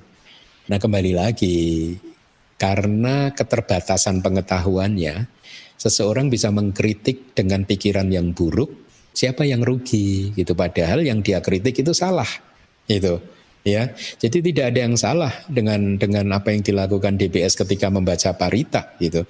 Bahkan Anda kalau memperhatikan para seado di Myanmar itu lebih dilakukan lagi. Ya, kalau membaca ini dan itu itu dengan lagu-lagu yang lebih lagi gitu. Nah, di winaya itu diatur, yang tidak boleh itu melakukan itu yang seperti apa itu diatur, ya dan itu e, banyak dari upasaka-upasika yang tidak mengetahuinya, gitu. Jadi inilah mengapa gitu saya teringat pada kalimat dari salah satu murid saya, many beautiful words out there, but are they in line with the Buddha's teaching or not? Gitu ya. Jadi mana banyak kata-kata yang indah di luar sana, tetapi apakah kata-kata yang indah itu sejalan, segaris, sesuai dengan ajaran Buddha atau tidak? Gitu. Ya, poinnya dari semua yang sudah saya sampaikan itu adalah bahwa hati-hati ya, hati-hati eh, di dalam mengkritik, hati-hati di dalam mempelajari kitab suci, ya. Kita belajar kitab suci bukan untuk mengkritik, tapi kita belajar kitab suci adalah untuk penyeberangan ya nitarana gitu. Supaya kita bisa menyeberang keluar dari samsara ya bukan untuk berdebat dan lain sebagainya. Dan berhati-hatilah karena kitab suci di Indonesia ini masih sangat terbatas belum belum dibuka gitu. Jadi tidak bisa gitu. Seringkali apa yang Anda baca di dalam Tipitaka itu maknanya itu tidak seperti yang tertulis ya. Masih membutuhkan penjelasan-penjelasan di uh, kitab uh, komentar gitu ya. Nah, uh, bersabarlah ya semoga dalam waktu dekat gitu atau proses untuk penerjemahan kitab suci Tipitaka, kitab komentar dan kitab subkomentarnya itu bisa uh, segera terwujud gitu ya. Baik, kita lanjutkan. Kebajikan yang terakhir adalah pelurusan pandangan, yaitu memperbaiki opini atau pandangan pribadi yang masih kurang baik. Itulah yang dimaksud dengan jenis kebajikan ini. Memperbaiki pandangan dan juga kebajikan-kebajikan yang lain harus terus-menerus dilakukan supaya kebajikan yang kita lakukan menjadi semakin lama semakin sempurna.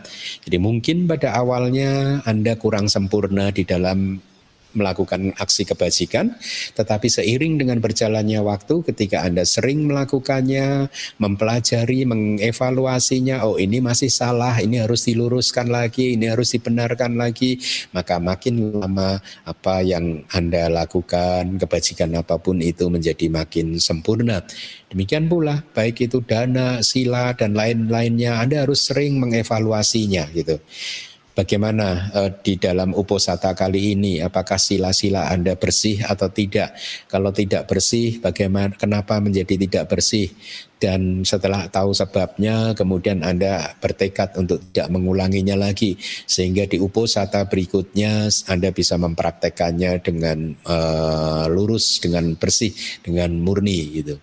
Nah, jadi Kitab Abhidhamma juga mengatakan demikian. Meskipun disebutkan sebagai jenis kebajikan yang terpisah, ya pelurusan pandangan tadi disebutkan sebagai jenis kebajikan yang terpisah. Tetapi sesungguhnya kebajikan meluruskan pandangan itu adalah ciri dari sembilan kebajikan yang lainnya. Itu mirip ya dengan yang kelas minggu lalu ya. Hal ini karena kebajikan meluruskan pandangan muncul dalam bentuk memperbaiki atau menyempurnakan aksi-aksi kebajikan-kebajikan tersebut ya. Jadi sekarang Anda paham 10 jenis kebajikan dan mudah-mudahan dengan informasi-informasi dari kitab yang sudah saya sampaikan dari kelas minggu lalu sampai kelas uh, hari ini bisa bermanfaat buat Anda ya dan dengan demikian kelas dengan topik uh, punya kirya wadu suta uh, saya akhiri sampai di sini. Terima kasih.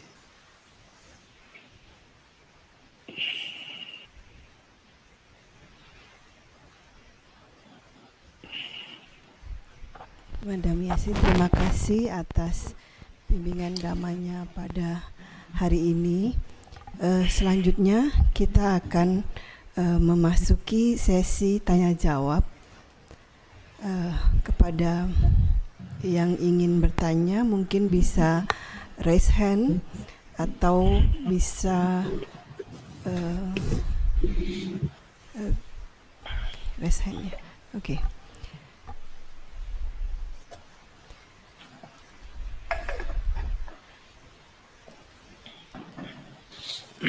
Beberapa peraturan yang ingin saya bacakan Sukihoto Bante. Uh, iya. Halo. Sukihoto.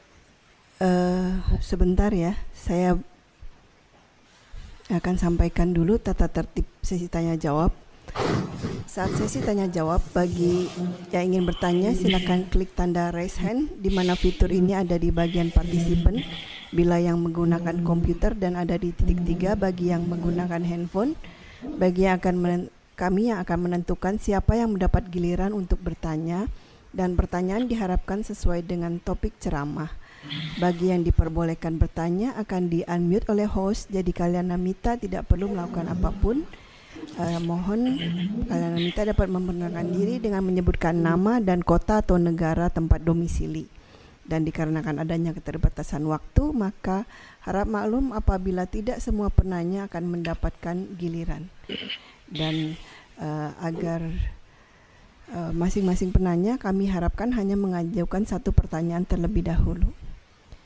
Uh, untuk yang pertama, kami uh, berikan kesempatan, uh, silakan. Uh, Sukihoto Bante. Ya. Saya Joni dari Medan. Mm-hmm. Yang saya mau tanyakan, saya ada dapat uh, masukan dari beberapa kaliamita mengatakan bahwa uh, kesannya abidama itu nggak terlalu penting. Yang paling penting itu suta pitaka katanya. Dia punya tiga alasan. Katanya pertama, Sutta Pitaka itu diajarkan 45 tahun ya, 40 tahun atau 45 tahun selama Buddha hidup lah. Setelah itu eh, sementara Abhidhamma diajarkan cuma tiga bulan, itu pun di alam Tawatimsa, lalu dibawa ke sama apa Bante Sariputta atau apa kan. Satu itu. Kedua, eh, Abhidhamma Pitaka itu ditulis oleh Buddha Gosa ya kalau nggak salah 400 eh, tahun atau 500 tahun setelah uh, Buddha Parinibbana gitu loh.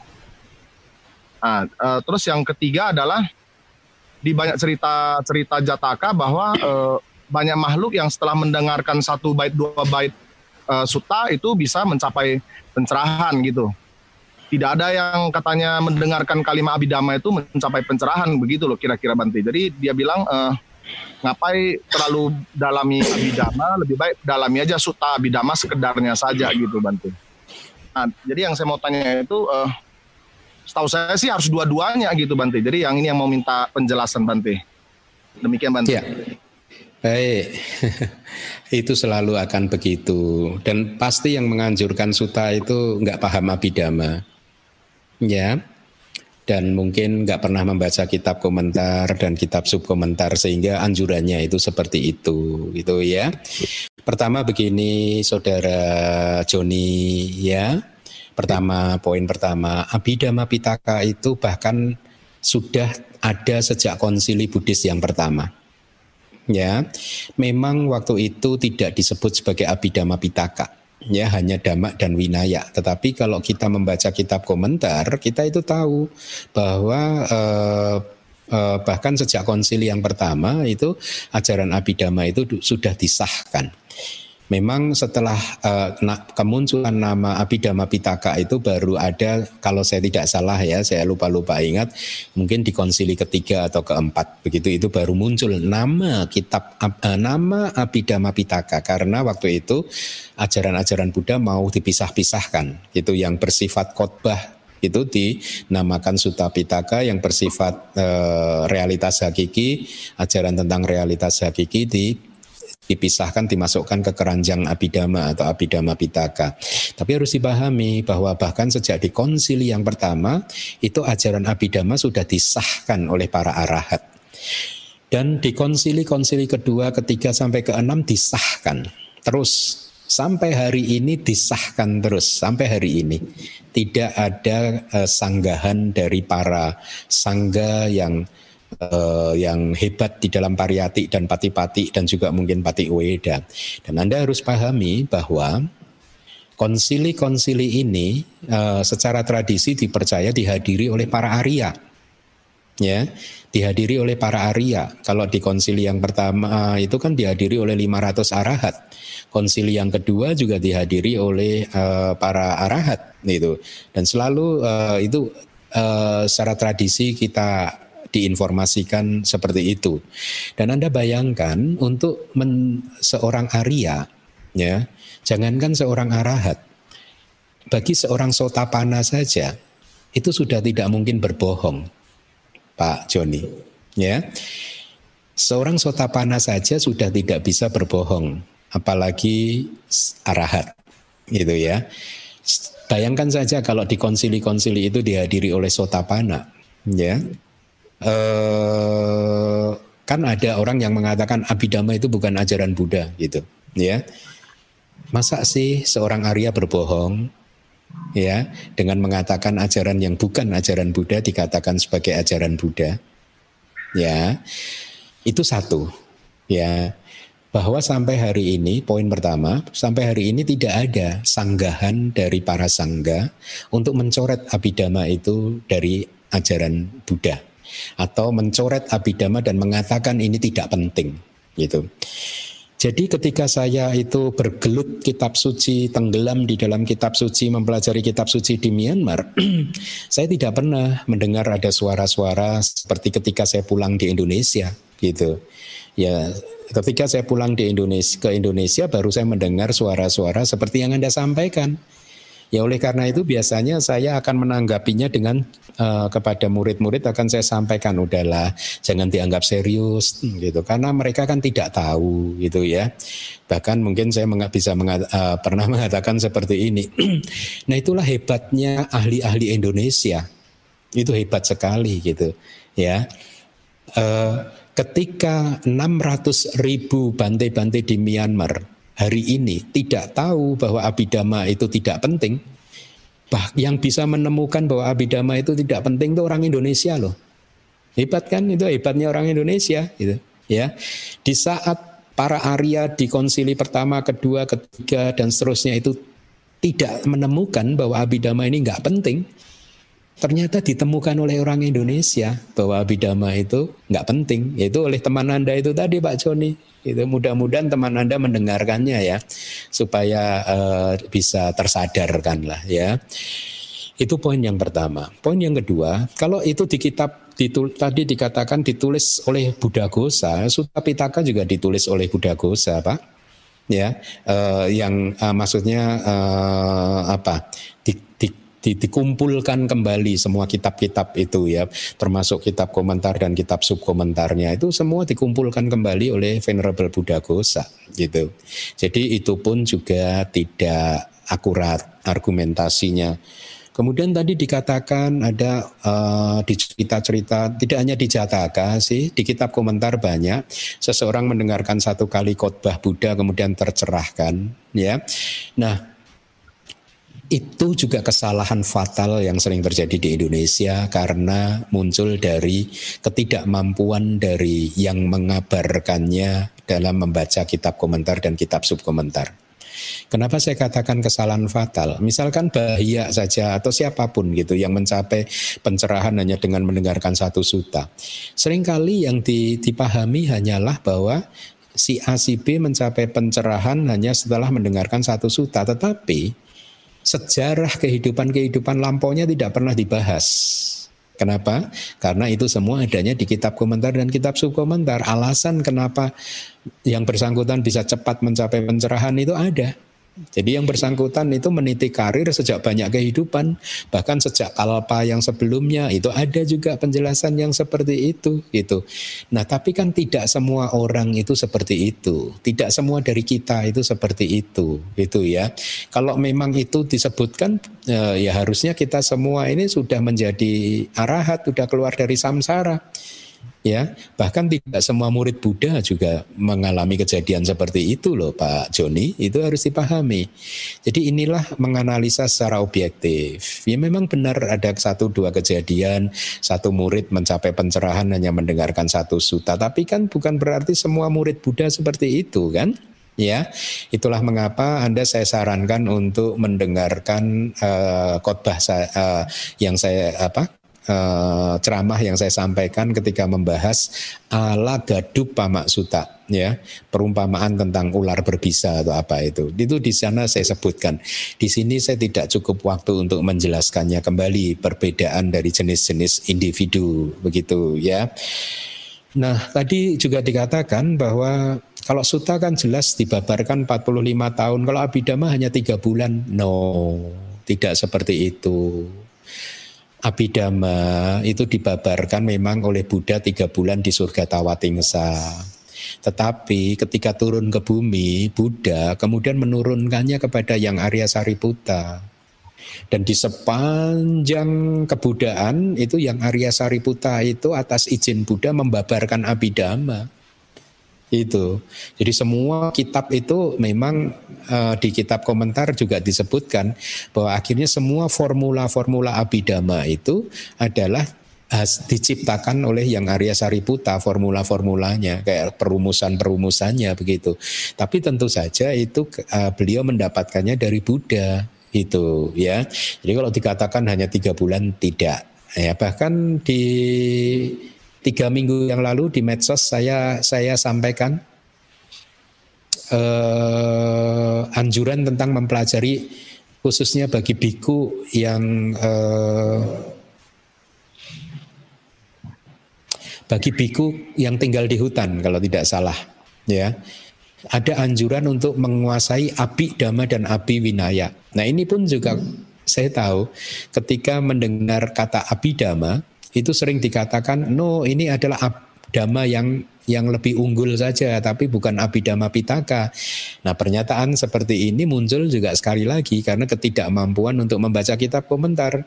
Kenapa? Karena ketika membaca kitab komentar sudah jelas kok yang dimaksud abidama adalah abidama pitaka kok. Jadi seorang biku yang mas yang tinggal di hutan diharapkan itu menguasai abidama pitaka dan abiwinaya atau minimal menguasai tika matika dan duka matika. Itu kata kitab komentar. Satu itu. Kedua, Pak Joni, bagaimana Anda memahami Sutta Pitaka tanpa bantuan kitab komentar dan kitab subkomentar?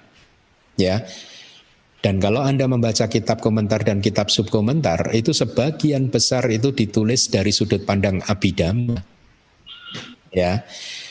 Kedua, bagaimana Anda memahami atau siapa pun memahami Sutta Pitaka tanpa bantuan abidama? Ya, Anda mungkin atau siapa pun mungkin merasa, oh saya bisa kok memahami Sutta Pitaka tanpa bantuan abidama. Ya mungkin mereka merasa bisa memahami suta tanpa bantuan abidama. Tetapi bagi mereka yang paham abidama, mereka pasti akan bisa memahami suta itu lebih akurat dan lebih dalam lagi. Ini bukan bentuk kesombongan, tetapi ini bentuk anjuran saya, dorongan saya ya untuk memotivasi Anda semua untuk uh, apa mempelajari abidama seperti para siado saya dulu uh, menganjurkan murid-muridnya. Ya saya dulu sering gitu dianjurkan gitu abidama itu dibutuhkan di suta. Bagaimana Anda memahami suta tanpa abidama beliau tidak sedang bermaksud untuk menunjukkan kesombongannya bukan. Beliau sedang bermaksud untuk menunjukkan kebenaran. Nah tentu saja uh, terhadap segala sesuatu itu selalu saja ada dua reaksi yang berbeda. Ketika saya mengatakan bahwa abidama dibutuhkan di dalam memahami suta, pasti juga ada dua reaksi yang berbeda, yang positif dan yang negatif. Ya, uh, mudah-mudahan yang masih bereaksi secara negatif itu cepat bisa menyadarinya dan akhirnya termotivasi untuk belajar abidama. Jadi begitu sih Pak Joni, kalau dari pengalaman saya ya eh, menerjemahkan Suta Pitaka sudah cukup banyak ya. Bahkan uh, ya setiap hari itu saya menerjemahkan Suta Pitaka Pak Joni. Uh, karena saya sedang dalam itu kan uh, proyek katakanlah penerjemahan kitab komentar dan kitab subkomentarnya kan.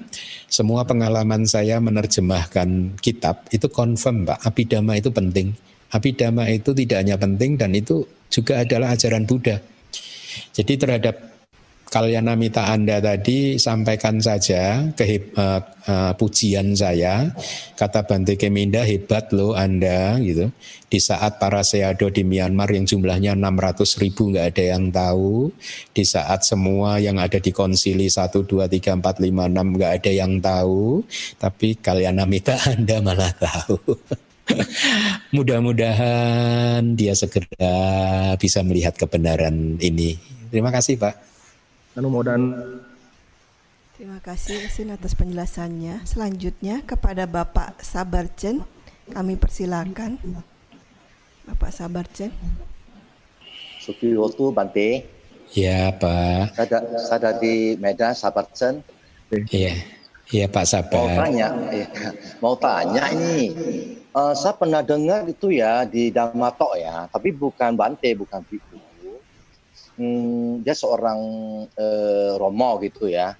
Dia ada mengatakan bahwasanya itu eh, sebagai orang awam atau di dunia ini dia menyuruh eh, sang Buddha mengatakan kita boleh cita-cita untuk mencari kekayaan gitu ya. Sedangkan kita boleh apa pak? Eh, mencari kekayaan. Mencari kekayaan. Ha, mencari kekayaan sebagai orang awam gitu ya karena menurut saya sih kalau mencari kekayaan untuk mencari kaya itu kan kesannya itu kan kalau udah mencari ke, kekayaan tanpa serakah itu gimana itu ya kalau yang namanya mencari kekayaan itu, itu pasti kan ada kayak ada mm, nama loba dosa moha pasti ada itu mencari keuangan jarang itu yang namanya mencari kekayaan gak ada serakah gitu Pak. Ya. Nah, Oke. Okay. Uh, gimana menurut pendapat Bante? Iya, satu selama masih menjadi putu jana itu pasti kilesa itu ada, ya. E, tetapi e, kalau anjuran Buddha itu mencari kekayaan yang bukan dari hasil melanggar sila, Pak. Itu yang harus dijaga, Pak. Ya, jadi jangan dari hasil melanggar sila. Untuk keserakahan Bapak harus tahu definisinya sih Pak. Keserakahan itu adalah uh, faktor mental yang menggenggam objek, tidak mau melepaskannya gitu. Ya, jadi maunya menggenggam terus tapi nggak mau dilepaskan. Ya, jadi uh, ketika Bapak bekerja terus, akhirnya menghasilkan banyak uang, belum tentu itu serakah loh Pak. Belum tentu loh. Ya keserakahan tidak bisa diukur dari materi karena keserakahan itu faktor mental, energi mental. Jadi tidak tidak ada ukurannya. Itu tidak ada alat ukurnya yang bersifat materi begitu. Dengan kata lain kalau orang kaya pasti serakah? Enggak, enggak, belum tentu. Ya, karena keserakahan itu tadi sikap mental yang menggenggam sesuatu tidak mau dilepas. Kalau dilep, kalau dipaksa untuk dilepaskan dia marah atau nangis, sedih, kecewa dan lain sebagainya gitu. Jadi kalau uh, umat bahkan di beberapa suta Buddha mengatakan ya memang uh, secara tersirat maupun tersurat mengatakan ya jangan jadi umat yang maaf ya maaf jangan jadi uh, untuk tidak menjadi umat yang miskin itu ya. Karena kata Buddha dali diang bikawe dukang loka seming. Uh, dali diang bikawe. Wahai para biku kemiskinan itu adalah penderitaan loka seming di dunia. Itu ya. Itu kata-kata Buddha dalit yang bikawe dukang loka seming. Ya kemiskinan wahai para biku adalah penderitaan di dunia. Itu ya. Eh, sutanya di, di, di, dilanjutkan seperti ini. Karena kemiskinan akhirnya seseorang harus berhutang. Ketika mengatakan meminjam hutang itu pun adalah penderitaan Kemudian ketika berjanji mau mengembalikan hutang jatuh tempo, ditagih, tidak bisa membayar itu pun adalah penderitaan. Untuk menyampaikan alasan ini dan itu itu pun adalah penderitaan. Belum lagi kalau dicaci maki oleh yang memberi hutang itu juga penderitaan. Belum lagi kalau jadi masalah hukum itu pun juga adalah penderitaan ya kira-kira seperti itu.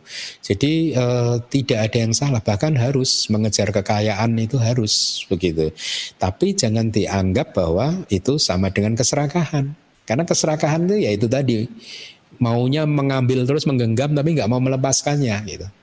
Saya banyak melihat orang-orang yang uh, sukses dan dia tidak serakah, dia tidak melekatinya, dia tidak menggenggamnya, ya.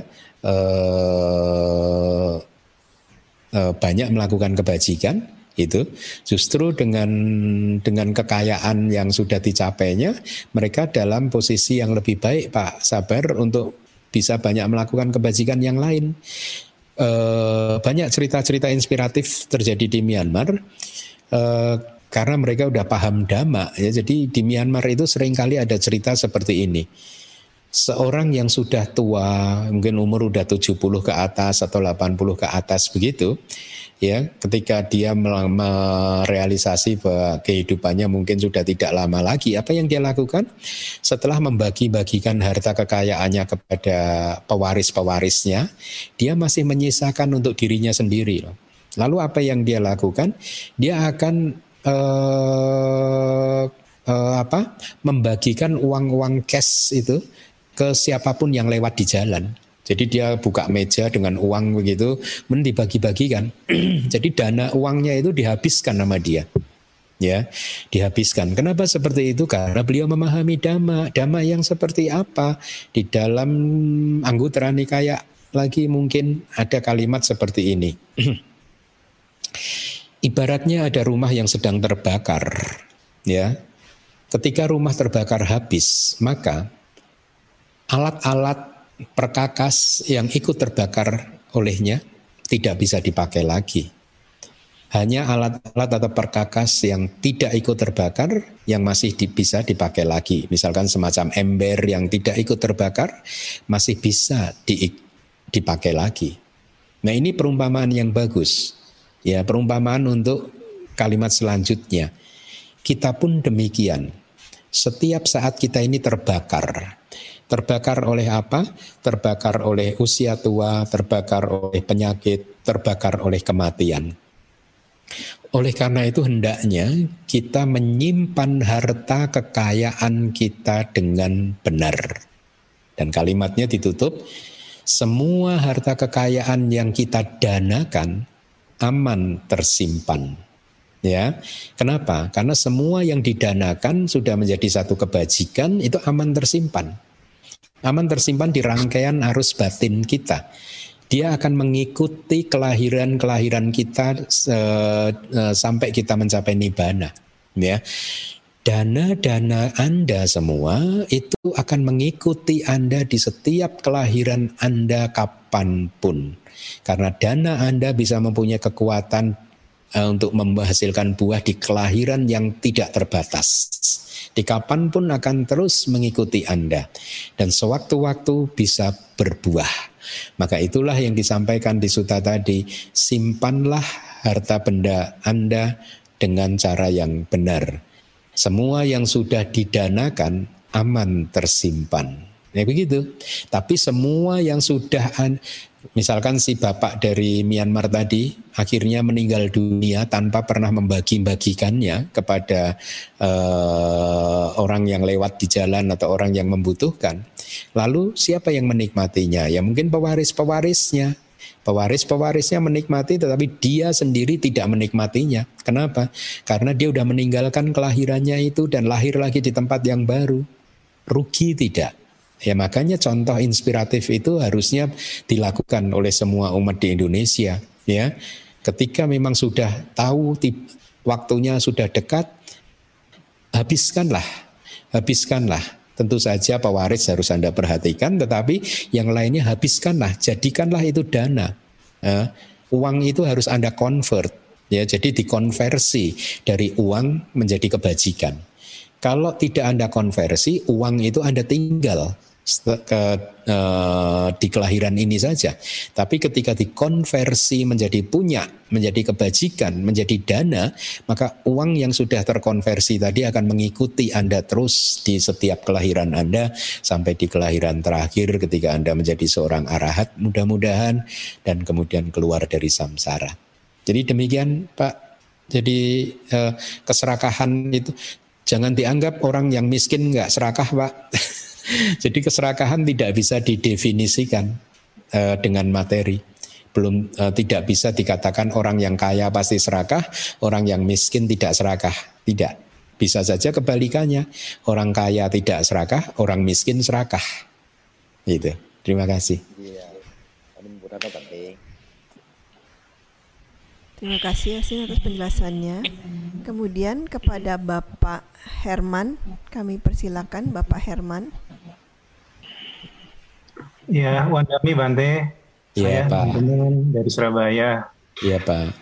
Mau tanya Bante, uh, yang mengenai kebajikan kayak berdana, pidana, sila kan didasari oleh uh, faktor batin yang bahagia itu lebih superior daripada faktor batin yang UPK ya Bante. Iya. Tetapi kenapa di kebajikan yang bawana, terutama samata, itu kalau di jana yang lebih tinggi itu jana 5 di abidama itu faktor batin UPK yang malah lebih eh, ada daripada faktor apa yang sukanya. Iya. Jadi sukanya nggak ada, UPK-nya yang harus ini ada. Iya. Kenapa begitu? Malah kebalikan Bante untuk dana. Iya. Iya. Iya Pak. Benar sekali Pak. Ya. Atau mungkin sebelum sampai ke jana mungkin ada sebagian yang mengartikan UPK juga secara keliru. Kalau di dalam jana tadi Anda benar. Tapi kan sering kan kita harus UPK, harus UPK, harus UPK. Nah sering kali dipahami UPK di sini sebagai perasaan UPK. Padahal kita harus UPK dalam menghadapi segala sesuatu. Itu artinya kita harus uh, apa? Uh, seimbang, tenang dan seimbang ya. Ini bukan jenis perasaan UPK, perasaan ketenangan begitu ya. Nah, tentang jana tadi Anda benar, memang di jana yang kelima dan arupa wacara jana itu disertai dengan UPK ya. Nah, eh, tetapi itu tidak bisa dijadikan satu apa? Um, menurut saya ya tidak bisa dijadikan satu rumus rumusan bahwa Berarti UPK itu lebih tinggi dari uh, Somanasa, tidak bisa, ya tidak bisa, ya. Uh, apa? Hmm, ya, bahkan bodhisatwa saja itu entah selalu semua bodhisatwa atau ya. Tapi yang pasti Gotama bodhisatwa itu terlahir dengan kesadaran penyambung kelahiran kembali yang uh, somanasa.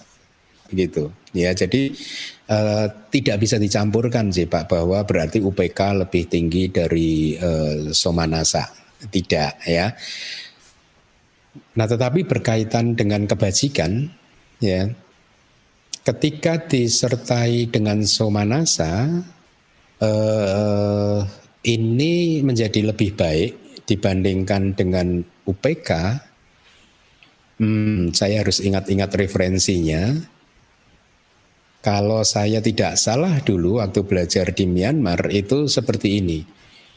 Karena ketika itu disertai dengan somanasa, maka eh, eh, semacam energi-energi mentalnya itu cetasika-cetasika yang menyertainya itu juga berada dalam ibaratnya grafik equalizer itu levelnya yang lebih baik lagi itu ya. Tapi ingat ya ini somanasa ini karena somanasa bisa muncul dari loba mula cita juga Pak. Jadi kita batasi bahwa somanasa yang kita bicarakan adalah somanasa yang muncul di kesadaran baik yang besar ya. Uh, dan salah satunya juga alasannya kenapa uh, somanasa uh, uh, kesadaran baik yang besar yang pertama itu ya dari delapan kesadaran urutan yang pertama juga yang somanasa begitu ya. Itu karena dari urutan-urutan keba uh, kebaikannya gitu urutan kayak kayak kayak meritnya begitu ya Uh, kalau saya tidak salah itu karena dia akan memicu cetasika-cetasika yang lahir bersamanya untuk untuk berada dalam uh, ibaratnya grafik equalizer itu di dalam grafik level yang lebih tinggi. Itu kalau saya tidak salah, Pak. Uh, yang saya dulu pernah pelajari begitu. Jadi uh, kalau yang referensi yang saya tahu pasti yaitu kenapa uh, itulah mengapa dengan alasan itulah eh, Somanasa Sagata Nyana Sampayuta Sangkarika ditempatkan di urutan yang pertama di dalam eh, eh, struktur delapan Mahakusala Cita. Kira-kira begitu Pak jawabannya. Mudah-mudahan ya, Terima kasih. Ya seperti misalkan seperti tadi kan Pak, ketika kita e, mengapresiasi perbuatan baik yang dilakukan oleh orang lain, kita harus mengucapkannya dengan kegembiraan kan, dengan somana cita kan, maka ya. dianjurkan sih, e, dianjurkan. Demikian Pak. Baik, mudah-mudahan nanti masih. Ya. Terima kasih Yasin penjelasannya. Selanjutnya kepada Bapak Dita Dama kami persilakan Bapak Dita Dama.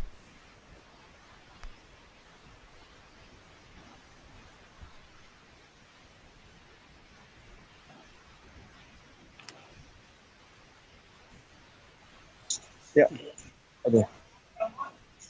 Uh, Pagi Bante. Iya Pak. Uh, maaf ya saya di tempat kerja tapi. Uh, Uh, ini Bante, saya ada pertanyaan. Uh, di maaf, maaf. di Tripitaka ada istilah pati sambidanyana. Apa pak? Pati sambidanyana. Oh oke okay. oke. Okay. Terus uh, begini Bante, kalau dari 10 punya Kiryawatu ini yang uh, yang manakah yang harus kita lakukan untuk mencapai kemampuan uh, mohon Bante menjelaskan tentang berkenan Pati Sambidanyana Bante. Oh, oke okay, oke. Okay. Baik, Terus, baik. Uh, Pati Sambidanyana ini uh, dari 10 Kiryawatu ini yang manakah yang harus dilakukan ya untuk mencapai ini dan apakah perlu aditana Bante? Terima kasih Bante. Oke, okay, oke. Okay. Saya kur yang bagian kedua kurang jelas mendengar pertanyaan Anda. Mudah-mudahan yang saya tangkap tidak keliru. Pertama-tama uh, uh, ya saya tahu Anda sedang bekerja hati-hati Pak jaga protokol ya Pak ya. Ya ya. Protokol kesehatan ya tetap tetap penuh perhatian karena kadang kalau sedang sibuk kita jadi lalai. Jangan jadi lalai terus ikuti protokol dengan disiplin ya Pak ya. Iya Pak. Ya, ya. Pak. Baik, mudah-mudahan saya tidak menang, keliru menangkap pertanyaan Anda. Untuk mendapatkan patik sambida itu Anda harus berwipasana sih Pak. Wipasana. Wipasana dan sampai merealisasi minimal sangkaru nyana itu ya, yaitu pengetahuan tentang ke, ketenangan dan keseimbangan ketika melihat formasi-formasi uh, uh, atau nama dan rupa yang berkondisi begitu ya uh, itu menjadi modal salah satu syaratnya begitu. Nah kebajikan-kebajikan yang tadi disampaikan itu ya dengan definisi tiga definisi itu tadi mendapatkan kelahiran yang terhormat dan mulia, kemudian menyempurnakan kecenderungan-kecenderungan batin uh, kita dan kemudian apa membersihkan rangkaian arus uh, kesadaran kita secara sementara begitu. Eh, kira-kira begitu. Jadi Patik Sambida itu seingat saya syarat pertamanya yaitu kemampuan dia uh, pencapaian pengetahuan ketenangan keseimbangan terhadap formasi-formasi. Ya, makanya wipasana itu sebenarnya juga wipasana itu juga semacam belajar juga karena ketika berwipasana itu kita itu kan mengamati mempelajari nama dan rupa juga ya. ya. Begitu, terima kasih.